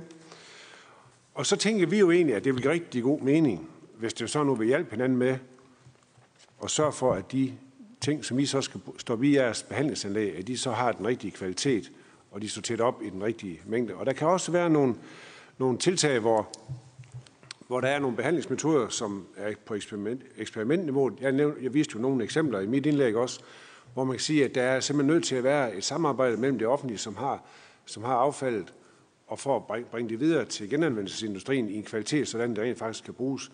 Og det er jo egentlig der, vi tænker, at der kunne det give rigtig god mening, hvis vi tænker i nogle modeller, eller dem, som man, øh, som man har i, i Tyskland, hvor, hvor det offentlige kan vinde med ejerandel på en fjerdedel eller på en tredjedel, og så har man nemlig indsigt, så man indsigt og sikkerhed for, at de ting, der så foregår videre i kæden, at det er, som man gerne vil have det, og leve op til de øh, ting, man har. Det, er med til, det kan være med til at skabe en, en investeringssikkerhed, og være med til at skabe en forsyningssikkerhed for virksomheden på den ene side, og det kan sikre os sikkerhed for, at det går, at værdikæden den er, den er intakt. Jeg ved, at Kenneth han har nogle særskilte bemærkninger i forhold til, øh, til nogle ting, der foregår, diskussioner, der foregår på Fyn, som der er nogen, der følger rigtig meget med i. Værsgo. Værsgo til Kenneth Mus fra KL. Tak for det. Ikke, at det skal blive en Fyns dagsorden, men, men jeg vil dog lige starte et andet sted. I dag er det jo sådan, at, at øh, som jeg også nævner, at kommunen, vi sidder ikke på mængderne. Man kan få alle de mængder, man gerne vil have. Øh, og, og øh, det, der jo i virkeligheden vel er, er, er en del af den her debat også, det er anerkendelsen af de tunge fraktioner er store, når vi snakker erhvervsaffald, men det er vel også der, at den genanvendelse, der sker efterfølgende, den er ikke, at jeg vil tillade mig at sige, at der er noget, der er nemt. Der er nogle fraktioner, der også udtages, men hvis vi sætter det i forhold til de øvrige fraktioner, der er tilbage, det er vel der, hvor vi står med nogle større udfordringer i forhold til netop den genanvendelse, den eftersortering. Det, at vi også, når vi kigger helt ned i den cirkulære økonomi, kigger på design, hvad er det for nogle produkter, når de går ud af det er en anvendelse, der har været tiltænkt. Hvordan er de så, at de kommer ind i kæden igen?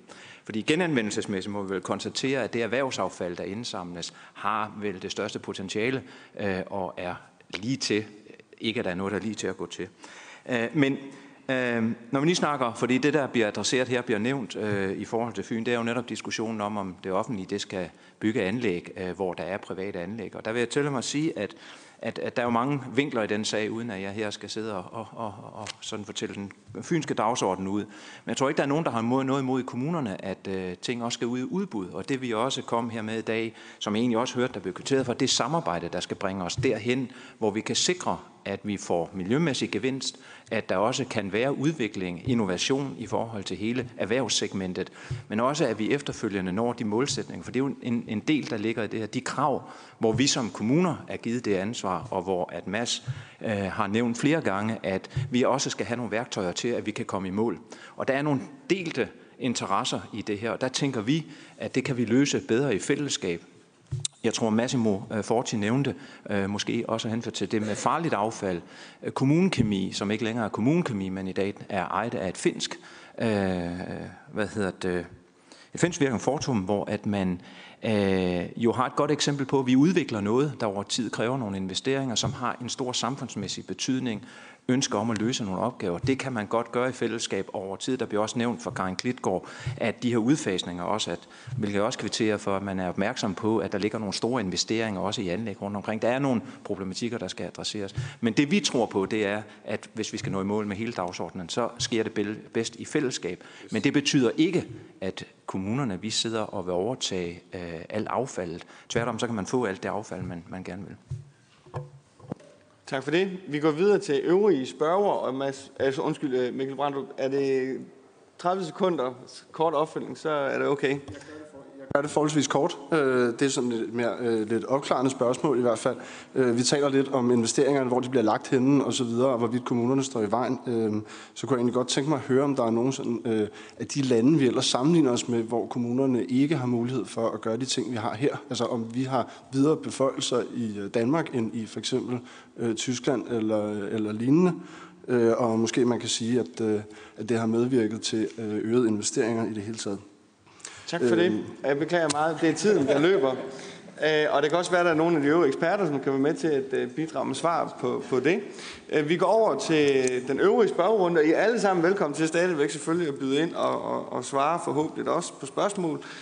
Og det betyder altså, at vi gerne vil have jer med os nu, og, og naturligvis udvalgsmedlemmerne. Og første spørger blandt udvalgsmedlemmerne, det er Ida Augen fra Radikale Venstre. Værsgo. Mange tak. Og øh, når vi nu tog initiativ til den her høring øh, i udvalget sammen med både Dansk Affaldsforening og Dansk Industri, var det jo fordi, vi blev ved med at have den her diskussion med hver af jer hver især. Og vi vil gerne bringe jer sammen, så jeg synes allerede, det har været en rigtig spændende at høre jer svare på, på nogle af hinandens ting. Hvis jeg bare lige må prøve sådan at opsummere for, vores, øh, for mit lille politikerhoved. Vi er faktisk enige om cirkulær økonomi. Vi er enige om at genanvende mere og forbrænde mindre. Det er allerede langt at være kommet i forhold til for 6-7 år siden. Vi er også enige om, at der skal ske en innovation og en teknologiudvikling på en række områder, f.eks. plastik, mad, øh, spild, eller madaffald, hus, øh, det grønne husholdningsaffald, elektronik, andre ting. Det er faktisk ret langt at være så enige. Så er vi øh, enige om, at der skal være mere ensartethed. I vil gerne have vejledende krav fordi vi gerne vil have en fleksibilitet. I vil gerne have bindende krav, så der er en sikkerhed i, i standarden på materialerne. Men jeg, da jeg hørte argumentet fra dig, Mads, forleden, da vi diskuterede det, hvorfor I gerne vil have vejledende krav, så det vi har brug for en fleksibilitet. Hvis der kommer nye materialer, der er interessante, var det ene, I sagde, det kan man bygge ind i en bindende krav. Den fleksibilitet vil vi kunne bygge ind i nogle bindende krav. Er, er der lige pludselig et nyt materiale, vi tror, vi kan genanvende, flamingo eller andre ting, et eller andet, som I synes, der skal ske noget på, så synes jeg, at vi skal bygge det ind i lovgivningen. Øh, det vil jeg gerne høre, hvad I siger til. Og det andet er en fleksibilitet i, at kommunerne ikke ligner hinanden, og øh, bygnings- og områderne ikke ligner hinanden, men jeg tror, vi opgjorde sommerhuse, øh, etageejendomme, villa, kvarterer, landdistrikter og by, by, byer. Jeg ved ikke, om I kan komme på rigtig mange mere øh, forskellige måder at bo på i Danmark. Vi er jo ikke Indien. Øh, så jeg tror også, hvis man kunne give den fleksibilitet, at I havde fem modeller eller noget i den stil, øh, og så er det ligesom også back-end af, hvad det er, der kommer ud i den ende. Øh, det vil jeg bare gerne høre jeres øh, tanker på. Så er der det her volumenspørgsmål. Hvor vigtigt er det, at der kommer store mængder? Der siger I selvfølgelig, at store mængder giver mere effektivitet. I siger, at vi har nogle små virksomheder i vores kommuner, der gerne skulle kunne udvikle på det her. Altså min, min snusfornuft siger mig, at de nok har ret lige her. Men at det kunne være, at man kunne lukke nogle af de mindre virksomheder ind på en anden måde i et samarbejde med for eksempel den, den der vinder et udbud. Øh, det var bare, om man kunne løse noget af det. Og så siger, øh, hvad hedder det, så det man kan sige, I hævder, at de er ved at begynde at bygge en masse små spredte anlæg, der ikke har særlig stor økonomisk fornuft. Det kunne jeg godt tænke mig at høre, hvad der egentlig er på tapetet rundt omkring i kommunerne. Er det rigtigt, at der er ved at blive bygget forskellige øh, anlæg, hvor hver kommune laver sin ting? Og det andet er, at I siger, kunne vi ikke lave nogle partnerskaber, noget OPP? Det vil jeg gerne høre, hvad I siger til, ligesom de har gjort i Tyskland. Øh, og så vil jeg til sidst sige, da man lavede et plastikudbud til plastiksortering, så kom der ingen bud, sådan som jeg forstod det fra industrien. Hvorfor? Var det fordi, det var skruet forkert sammen, det udbud? Var det fordi, altså, øh, kunne man samarbejde mere om at skrive udbuddene? Nu har vi jo fået lov i EU's udbudslov at øh, lave innovationspartnerskaber. Er det der, man kunne få et smart partnerskab i virkeligheden, i stedet for at kommunen sidder og bygger et anlæg i konkurrence med jer? Tak for det, Ida Augen. Og øh, for en god ordens skyld, så skal jeg lige gøre opmærksom på, at man øh, med fordel kan titulere dem, man øh, taler om og til, både for tilhørende skyld og øh, i og med, at det bliver tv-transmitteret. Øh, og næste spørger på listen, det er Carsten Bak fra Liberal Alliance. Værsgo. Ja, puha, jeg blev næsten helt forpustet over fru Ida Augens mange spørgsmål meget hurtigt efter hinanden. Jeg vil øh, bringe øh, de to universitets øh, ja, professorer, tror jeg måske, jeg er begge to, øh, henholdsvis øh, Henrik Vindsel fra Syddansk Universitet og Thomas Furgård fra, fra DTU, fordi jeg synes, der, der var, kan man sige, nogle modsigelser i det, I sagde, og, og derfor kunne jeg øh, måske også godt tænke mig at, at få jer til at opponere lidt imod hinanden. Sådan som jeg hørte Henrik, så, så bad han os sådan set om at undgå øh, politiske krav til sortering, og øh, i øvrigt er det et meget spændende indlæg i, øh, i den meget... Øh, nu kan man sige opblusset klimadebat også, øh, og, og, og tak for det, men, men øh, kørte ligesom en dagsorden med primært øh, fokus på eftersortering, og, øh, og sådan som jeg husker øh, Thomas, Thomas Brogaard fra, det, fra DTU's øh, indlæg, så var det måske lidt det modsatte i forhold til at stille krav øh, netop til øh, sorteringsstandardisere. standardisere Øh, så, så hvis I måske hver især lige vil øh, prøve at øh, knytte et par ekstra kommentarer på, øh, hvad I mener i forhold til hinanden og opponere imod hinanden.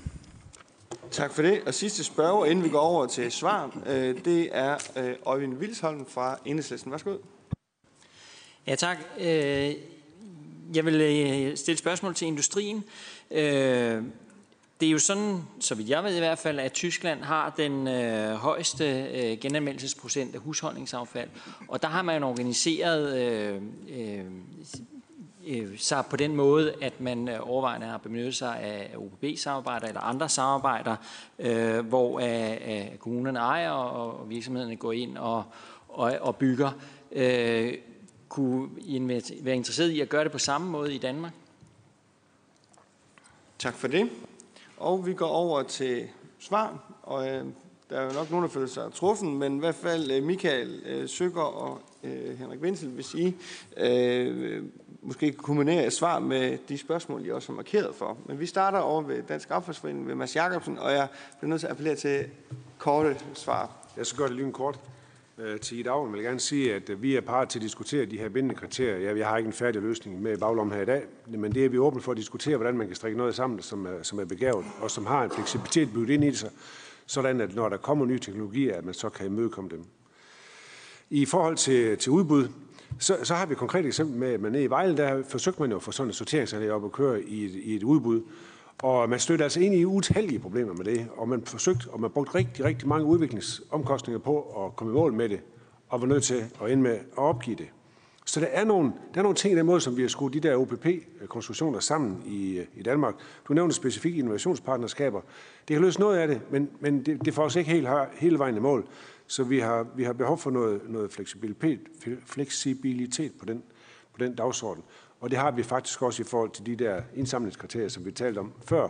Men vi er parat til at snakke om det, hvordan det skal kunne strække sammen. Tak for det. Og lige kort opfølging med Kenneth Mus.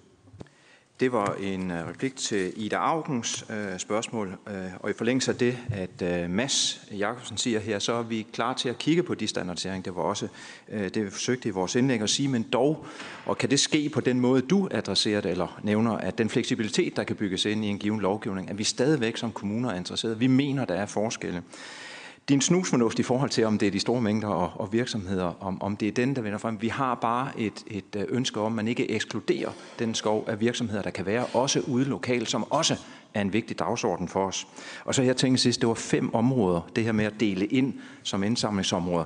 Jeg ved ikke, om du havde en chat om øerne, det var med, men altså, men ja, ideen er jo god nok at se på, er der nogle, nogle muligheder for at se på, om, om man kan inddele, for at tage højde for de forskelligheder, vi har, fordi det er det, vi er, er, er frygtsomme overfor. Det er, hvis man bare uh, laver one size fits all. Tak for det, og øh, i forhold til industrien, er der nogen af jer, der vil svare på spørgsmål? Karen Klitgaard, værsgo. Ja, det kan du tro, jeg gerne vil.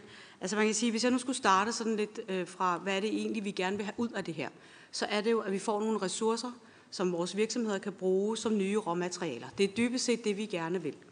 Og derfor så kan man sige, jeg vil, jeg vil rigtig gerne kvittere for åbningen i forhold til at kigge på mere bindende øh, krav og mere, hvad kan man sige, Øh, det er ikke one size fits all, det er vi helt med på, men at vi finder de her fem-syv modeller, eller hvad det nu er, som handler, når det handler om indsamling. Det, det, det vil jeg gerne kvittere for, det vil bringe os rigtig langt.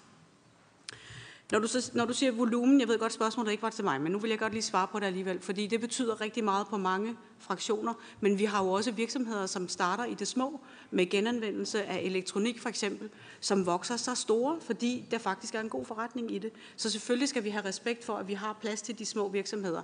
Men skal vi lave de store investeringer og lave store materialestrømme, som giver et industrielt input, eller input til industrien i form af råvarer, så er det nogle store mængder. Øh, og det er, altså byggeaffald og beton er jo en stor mængde, og den kan vi godt få mere ud af, men det kræver altså nogle investeringer, og det kræver en efterspørgsel. Jeg tror, øh, jeg er sådan set enig i forhold til, at, øh, at vi har nogle udfordringer med partnerskaber. Øh, det betyder ikke, at vi skal sige, at det er ikke nogen god idé, fordi partnerskaber er selvfølgelig en god idé. Men jeg tror, at løsningen ligger mere i en, en meget veldefineret rollefordeling. Og jeg tror, det måske er der, hvor vi skal have snakket os lidt mere til rette, fordi der, jeg, jeg kan ikke ret mange eksempler, for nu at være helt ærlig, hvor det er startet som et partnerskab og endt med at være en, en, øh, en privat virksomhed. Altså det, det kører lidt oftere tilbage, i hvert fald de historier, jeg kender. Det kan være, I kan andre øh, som, som kører lidt til, mere tilbage i, hvor de private har trukket sig, fordi forretningsgrundlaget simpelthen er forskelligt. Og det er der jo, når du har en virksomhed, som kører på den ene side i hvile i sig selv-princippet, og den anden er i konkurrence med internationale virksomheder. Så det er to forskellige forretningsmodeller, og de skal selvfølgelig, hvordan får man dem til at tale sammen? Jeg har ikke løsningen her nu, men, men, men jeg er enig i, at partnerskaber på nogle områder sagtens kan være en del af løsningen. Og øh, så tror jeg, var det Ulf, vil du sige noget om det der plastudbud? Det kan jeg gøre. Ja. ja. Værsgo til Ulf Andersen. Tak. tak. Eh, det är i princip detsamma som med det här med OPP. Det är viktigt att tänka, det här Frankfurt-exemplet ni har, jag tror det startade i 97 i samband med Grüne Punkte. Så det har skett en hel del med teknologiutveckling och så vidare. Så att jag tror vi är nött att se på vad är behovet. Eh, det här formades för att man skulle skapa en teknologiutveckling, sorteringsteknologier den finns idag, precis som, som eh, både Henrik och Thomas har sagt. Så att därför är vi nödt att vara klara över varför ska vi ha ett partnerskap och hvordan, vad är det vi ska uppnå med det. När det kommer till plastutbudet så handlar det om, ska en god sorteringsanlägg fungera så ska det vara en homogen kvalitet som går in. Eh, här, I det här utbudet finns ingen försyningssäkerhet att det är den kvaliteten som kommer idag, som kommer imorgon och som kommer om tre år. Eh, före kommunen eller något i den stilen som vill vara flexibla på hur det ska sorteras. Eh, och det ger inte riktigt trovärdighet för att investera stora pengar till, eh, i en sorteringsteknologi. Vi investerar många pengar, men vi bor alltid lokal små teknologi Så att det er en hel del små virksomheder, som er involveret i vores investeringer også. Mange tak for det, Ulf Andersen. Og vi går videre i rækken. Det er Thomas Froergaard Astrup. Værsgo. tak skal du have. Øhm, altså man kan, man kan, nu var det direkte henvendt til om den her centrale løsning, eller den mere kildeopdelte eller kildesorterede løsning, øh, om man tror på det. Øh, og der må jeg bare sige, at øh, hvis man rent faktisk prøver at få hænderne ned i affaldet og få set, hvad det er for nogle materialer, og få taget prøver af det, og ser på, hvor beskidt det rent faktisk er, og få analyseret på det, så vil man opdage, at, at det her det er altså ikke noget, det er ikke nogen rene materialer. Nu snakker vi kun om plasten her ikke, som eksempel. Det er bare ikke rent. Øhm, og, og det gør, selvom man, man får det delt ud i nogle bunker, så bliver det sådan set ved med ikke at være rent. Øhm, og øhm, der er altså også noget fysik i det der, ikke? at nu mere man sammenblander tingene, nu mere beskidt er det også, og nu mere sammenblandet bliver det. Øhm, så der er altså noget helt fundamentalt i, at det giver god mening at få delt nogle ting op i nogle bunker, der har en høj kvalitet, og så kan vi gøre noget rigtig godt ved det. Og så er der en bunke, som har en lidt lavere kvalitet, og så må vi så acceptere, at den bliver ikke til det der fantastiske nye mademballage, men den bliver til en lavere kvalitet. Derfor skal det selvfølgelig stadigvæk genanvendes. Ingen tvivl om det. Men hvis man blander det hele sammen, så bliver det alt sammen altså til en lavere kvalitet. Så vi må gøre op med os selv, om vi vil have store mængder ud af det. Og der må vi erkende, at, at EU's øh, genanvendelsesprocenter, jamen det er en rammevilkår. Men inden for rammerne af det, så bliver vi, synes jeg, nødt til at, at gøre op med os selv. Altså er det miljøgevinst, vi vil have ud af det, eller er det bare mængderne? Og hvis vi vil have miljøgevinsten, så er vi nødt til at sikre den der høje kvalitet i materialerne. Ellers så får vi ikke lukket nogen kredsløb, så får vi ikke øh, bragt ressourcetrækket ned. Sådan er det altså bare. Sådan er fysikken og virkeligheden hvis man har prøvet at have haft hænder ned i det og analyseret på det. Tak for det. Ja. Og næste på listen, det er Henrik Wenzel. Værsgo. Ja, tusind tak. Altså, DTU og STU er enige om, at vi har et generelt problem med pladskvaliteten. Og vi er også enige om, som jeg sagde, 50 procent samlet ind, og det er nok kun halvdelen af det, som ender med at nå ud til en genanvendelse og erstatte noget jomfrueligt. Og det er vi sådan set også enige om. Det er også derfor, vi ender med at sige, at vi er simpelthen halvdelen af det, sådan lidt i godsøjne, det skal vi have designet os til at opnå en bedre kvalitet, og resten er det jo, jeg foreslår den her lidt radikale løsning, som jeg faktisk tror på.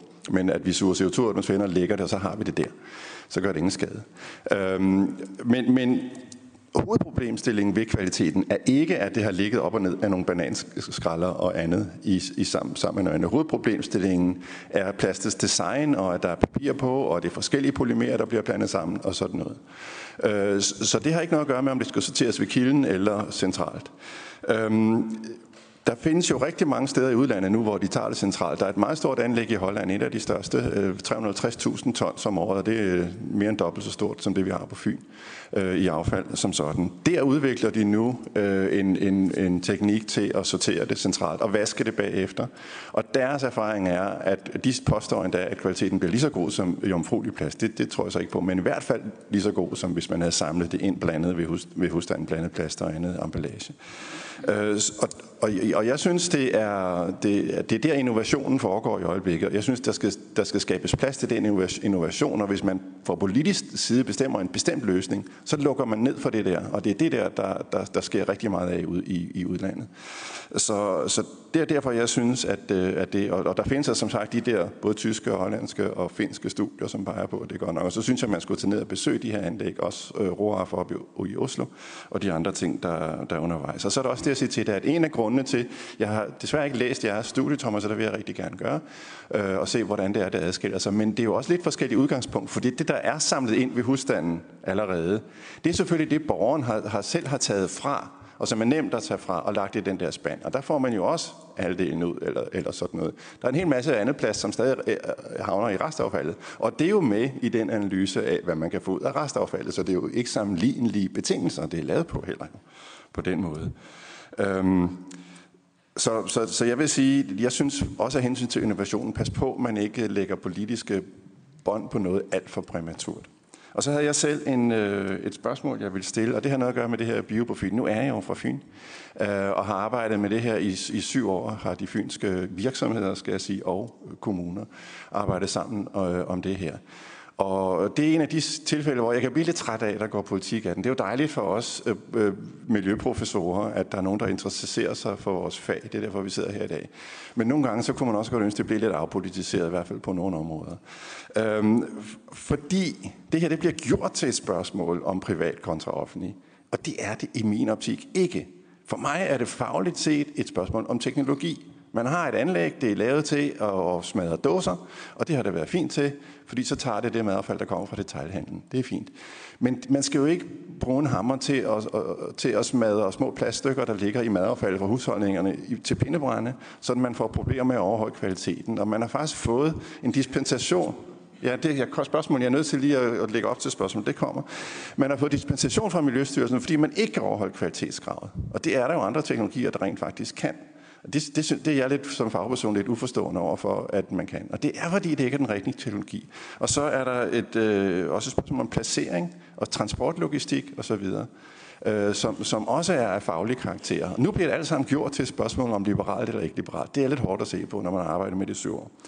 Øh, så mit spørgsmål er, kunne vi ikke sparke den tilbage til først at få snakket igennem om, hvad, hvad skal teknikken være til at behandle madaffald? Skal man behandle madaffald på samme måde, som man behandler makraldåser fra, fra detaljhandlen? Eller er det to forskellige ting? Øh, og så først derefter kan vi sige, hvem skal så eje det, når vi har fundet ud af, hvad der er det rigtige at gøre? Så det var mit spørgsmål.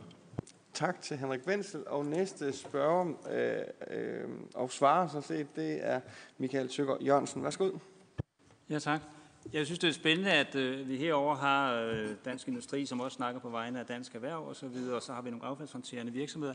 Men jeg savner simpelthen, at I tager et ansvar for, at I er med til at producere affaldet via den måde, I designer produkterne på, hvordan I informerer øh, forbrugerne, hvor dyrt det er for repareret, at I ikke tager tingene tilbage. Så i forholder sig kun til affaldet, som det er, i stedet for at sige, at vi kan være med til at forebygge affaldet. Og I kunne jo næsten den dag i morgen, hvis I ville, sige, at vi øh, laver, åbner det op for produkttilbagetagning. Øh, folk kan komme ud med deres ting, og så øh, skal Coop nok sørge for, at det kommer tilbage til de rette forhandlere. Så jeg synes simpelthen, at det bliver en alt for snæver diskussion, det her. Øh, det gælder både produkter, altså med elektronik osv., men det gælder også nogle gange med, med, med plastemballagen. Jeg kan huske for en 4-5 år siden, vi sammen med Københavns Kommune og en række andre byer kigget på noget med, kunne man ikke få lavet mere lukket closed loop recycling af, af spande til, til maling, men der manglede vi så lige, at øh, en kendt øh, stor øh, faglak-butikskæde øh, ville tage sådan nogle malerspande tilbage. Så jeg, jeg savner det, at man involverer sig noget mere i at forebygge, at affaldet opstår, både på emballagesiden og, og på produktsiden. Lige nu er det jo civilsamfundet, der sørger for, for, for reparation, ikke? og virksomheden er slet ikke interesseret i at forstå, hvornår produkterne de går i stykker. Tak. Tak til Michael Søger Jørgensen. Og en uh, ultra kort bemærkning fra Thomas Fruergaard. Værsgo.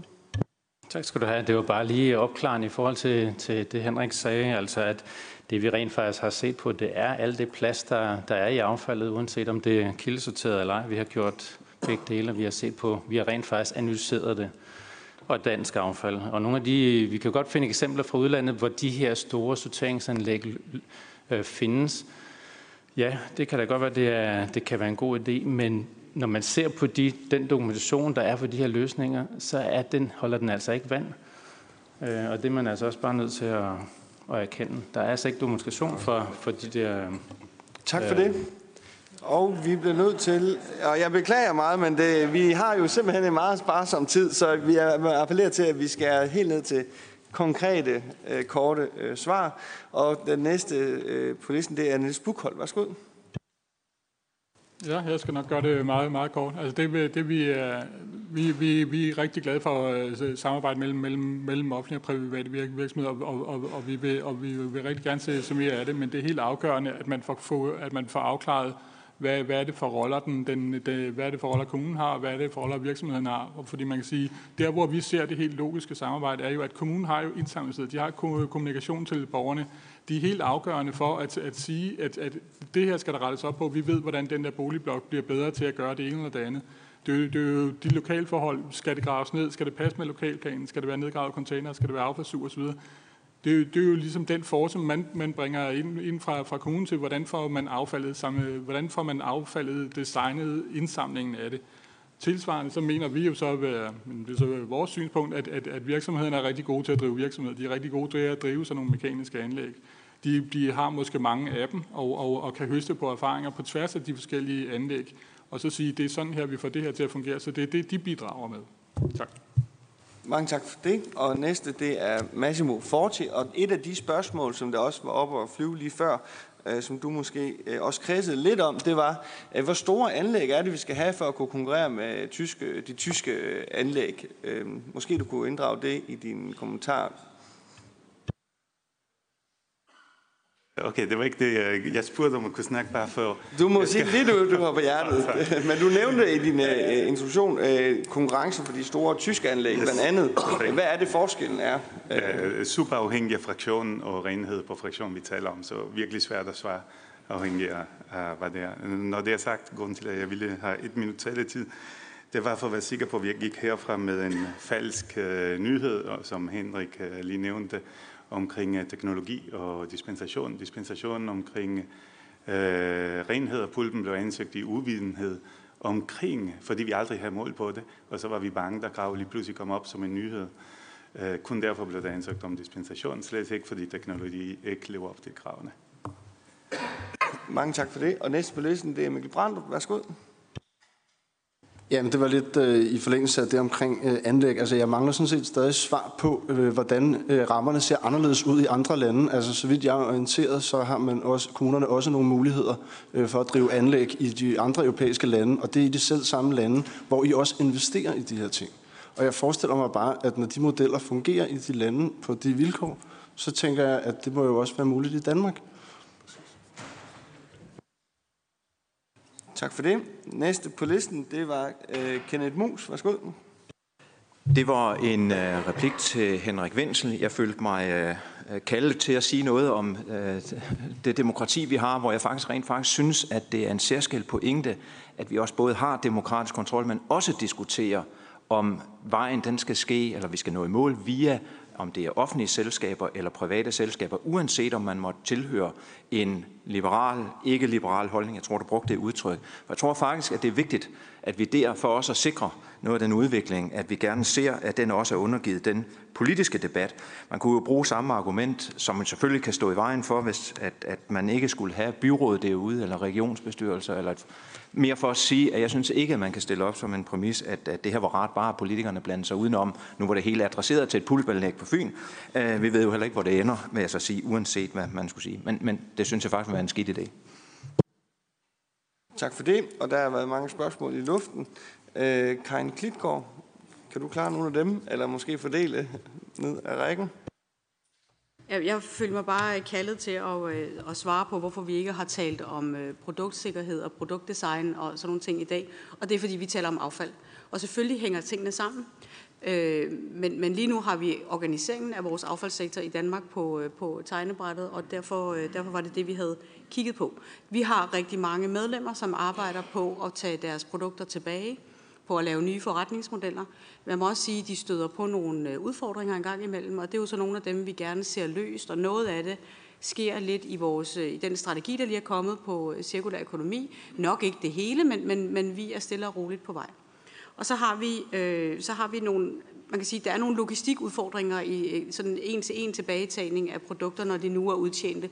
Og den bliver vi også nødt til at forholde os til. Så, så der skal være noget, øh, vi skal den rigtige vej, men der skal også være noget realisme i det tempo, vi, øh, vi går den vej. Men, øh, men jeg kan berolige dig med, at der er rigtig mange, der arbejder med det.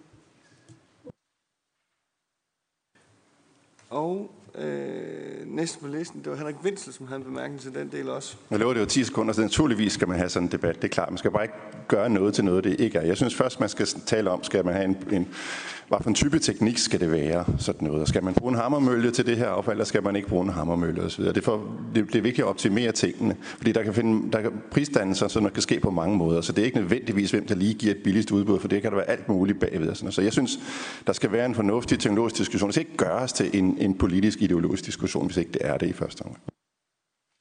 Værsgo, næste spørg, det er Ida Augen. Jamen Henrik, så forstår jeg ikke, at du kalder det niveau på banen i en teknologisk diskussion. Jeg mener faktisk, det er det sidste, vi skal sidde og diskutere. Jeg mener, at det politiske niveau skal sætte sig nogle mål og nogle krav til renhed og nogle krav til genanvendelse og til, hvordan det skal behandles. Men ikke til specifik teknologi. Der synes jeg, du er gået helt i skoven. Altså på det. Øh, og, øh, og det med, med central decentral kildesortering, der er, ved vi jo, at vi skal begynde at bevæge os. Når vi først er begyndt at få volumen i det, skal vi stille og roligt begynde at bevæge os i retning af kvalitet. Der har jeg altså heller ikke set nogen som helst af dem, der arbejder med det her resten af verden, sige, det er godt at råde det sammen. Det virker altså lidt for mig, som om det er det gamle paradigme, man bliver i, når man siger, at det er godt først at råde det hele sammen, og så vaske det og skille det ad igen.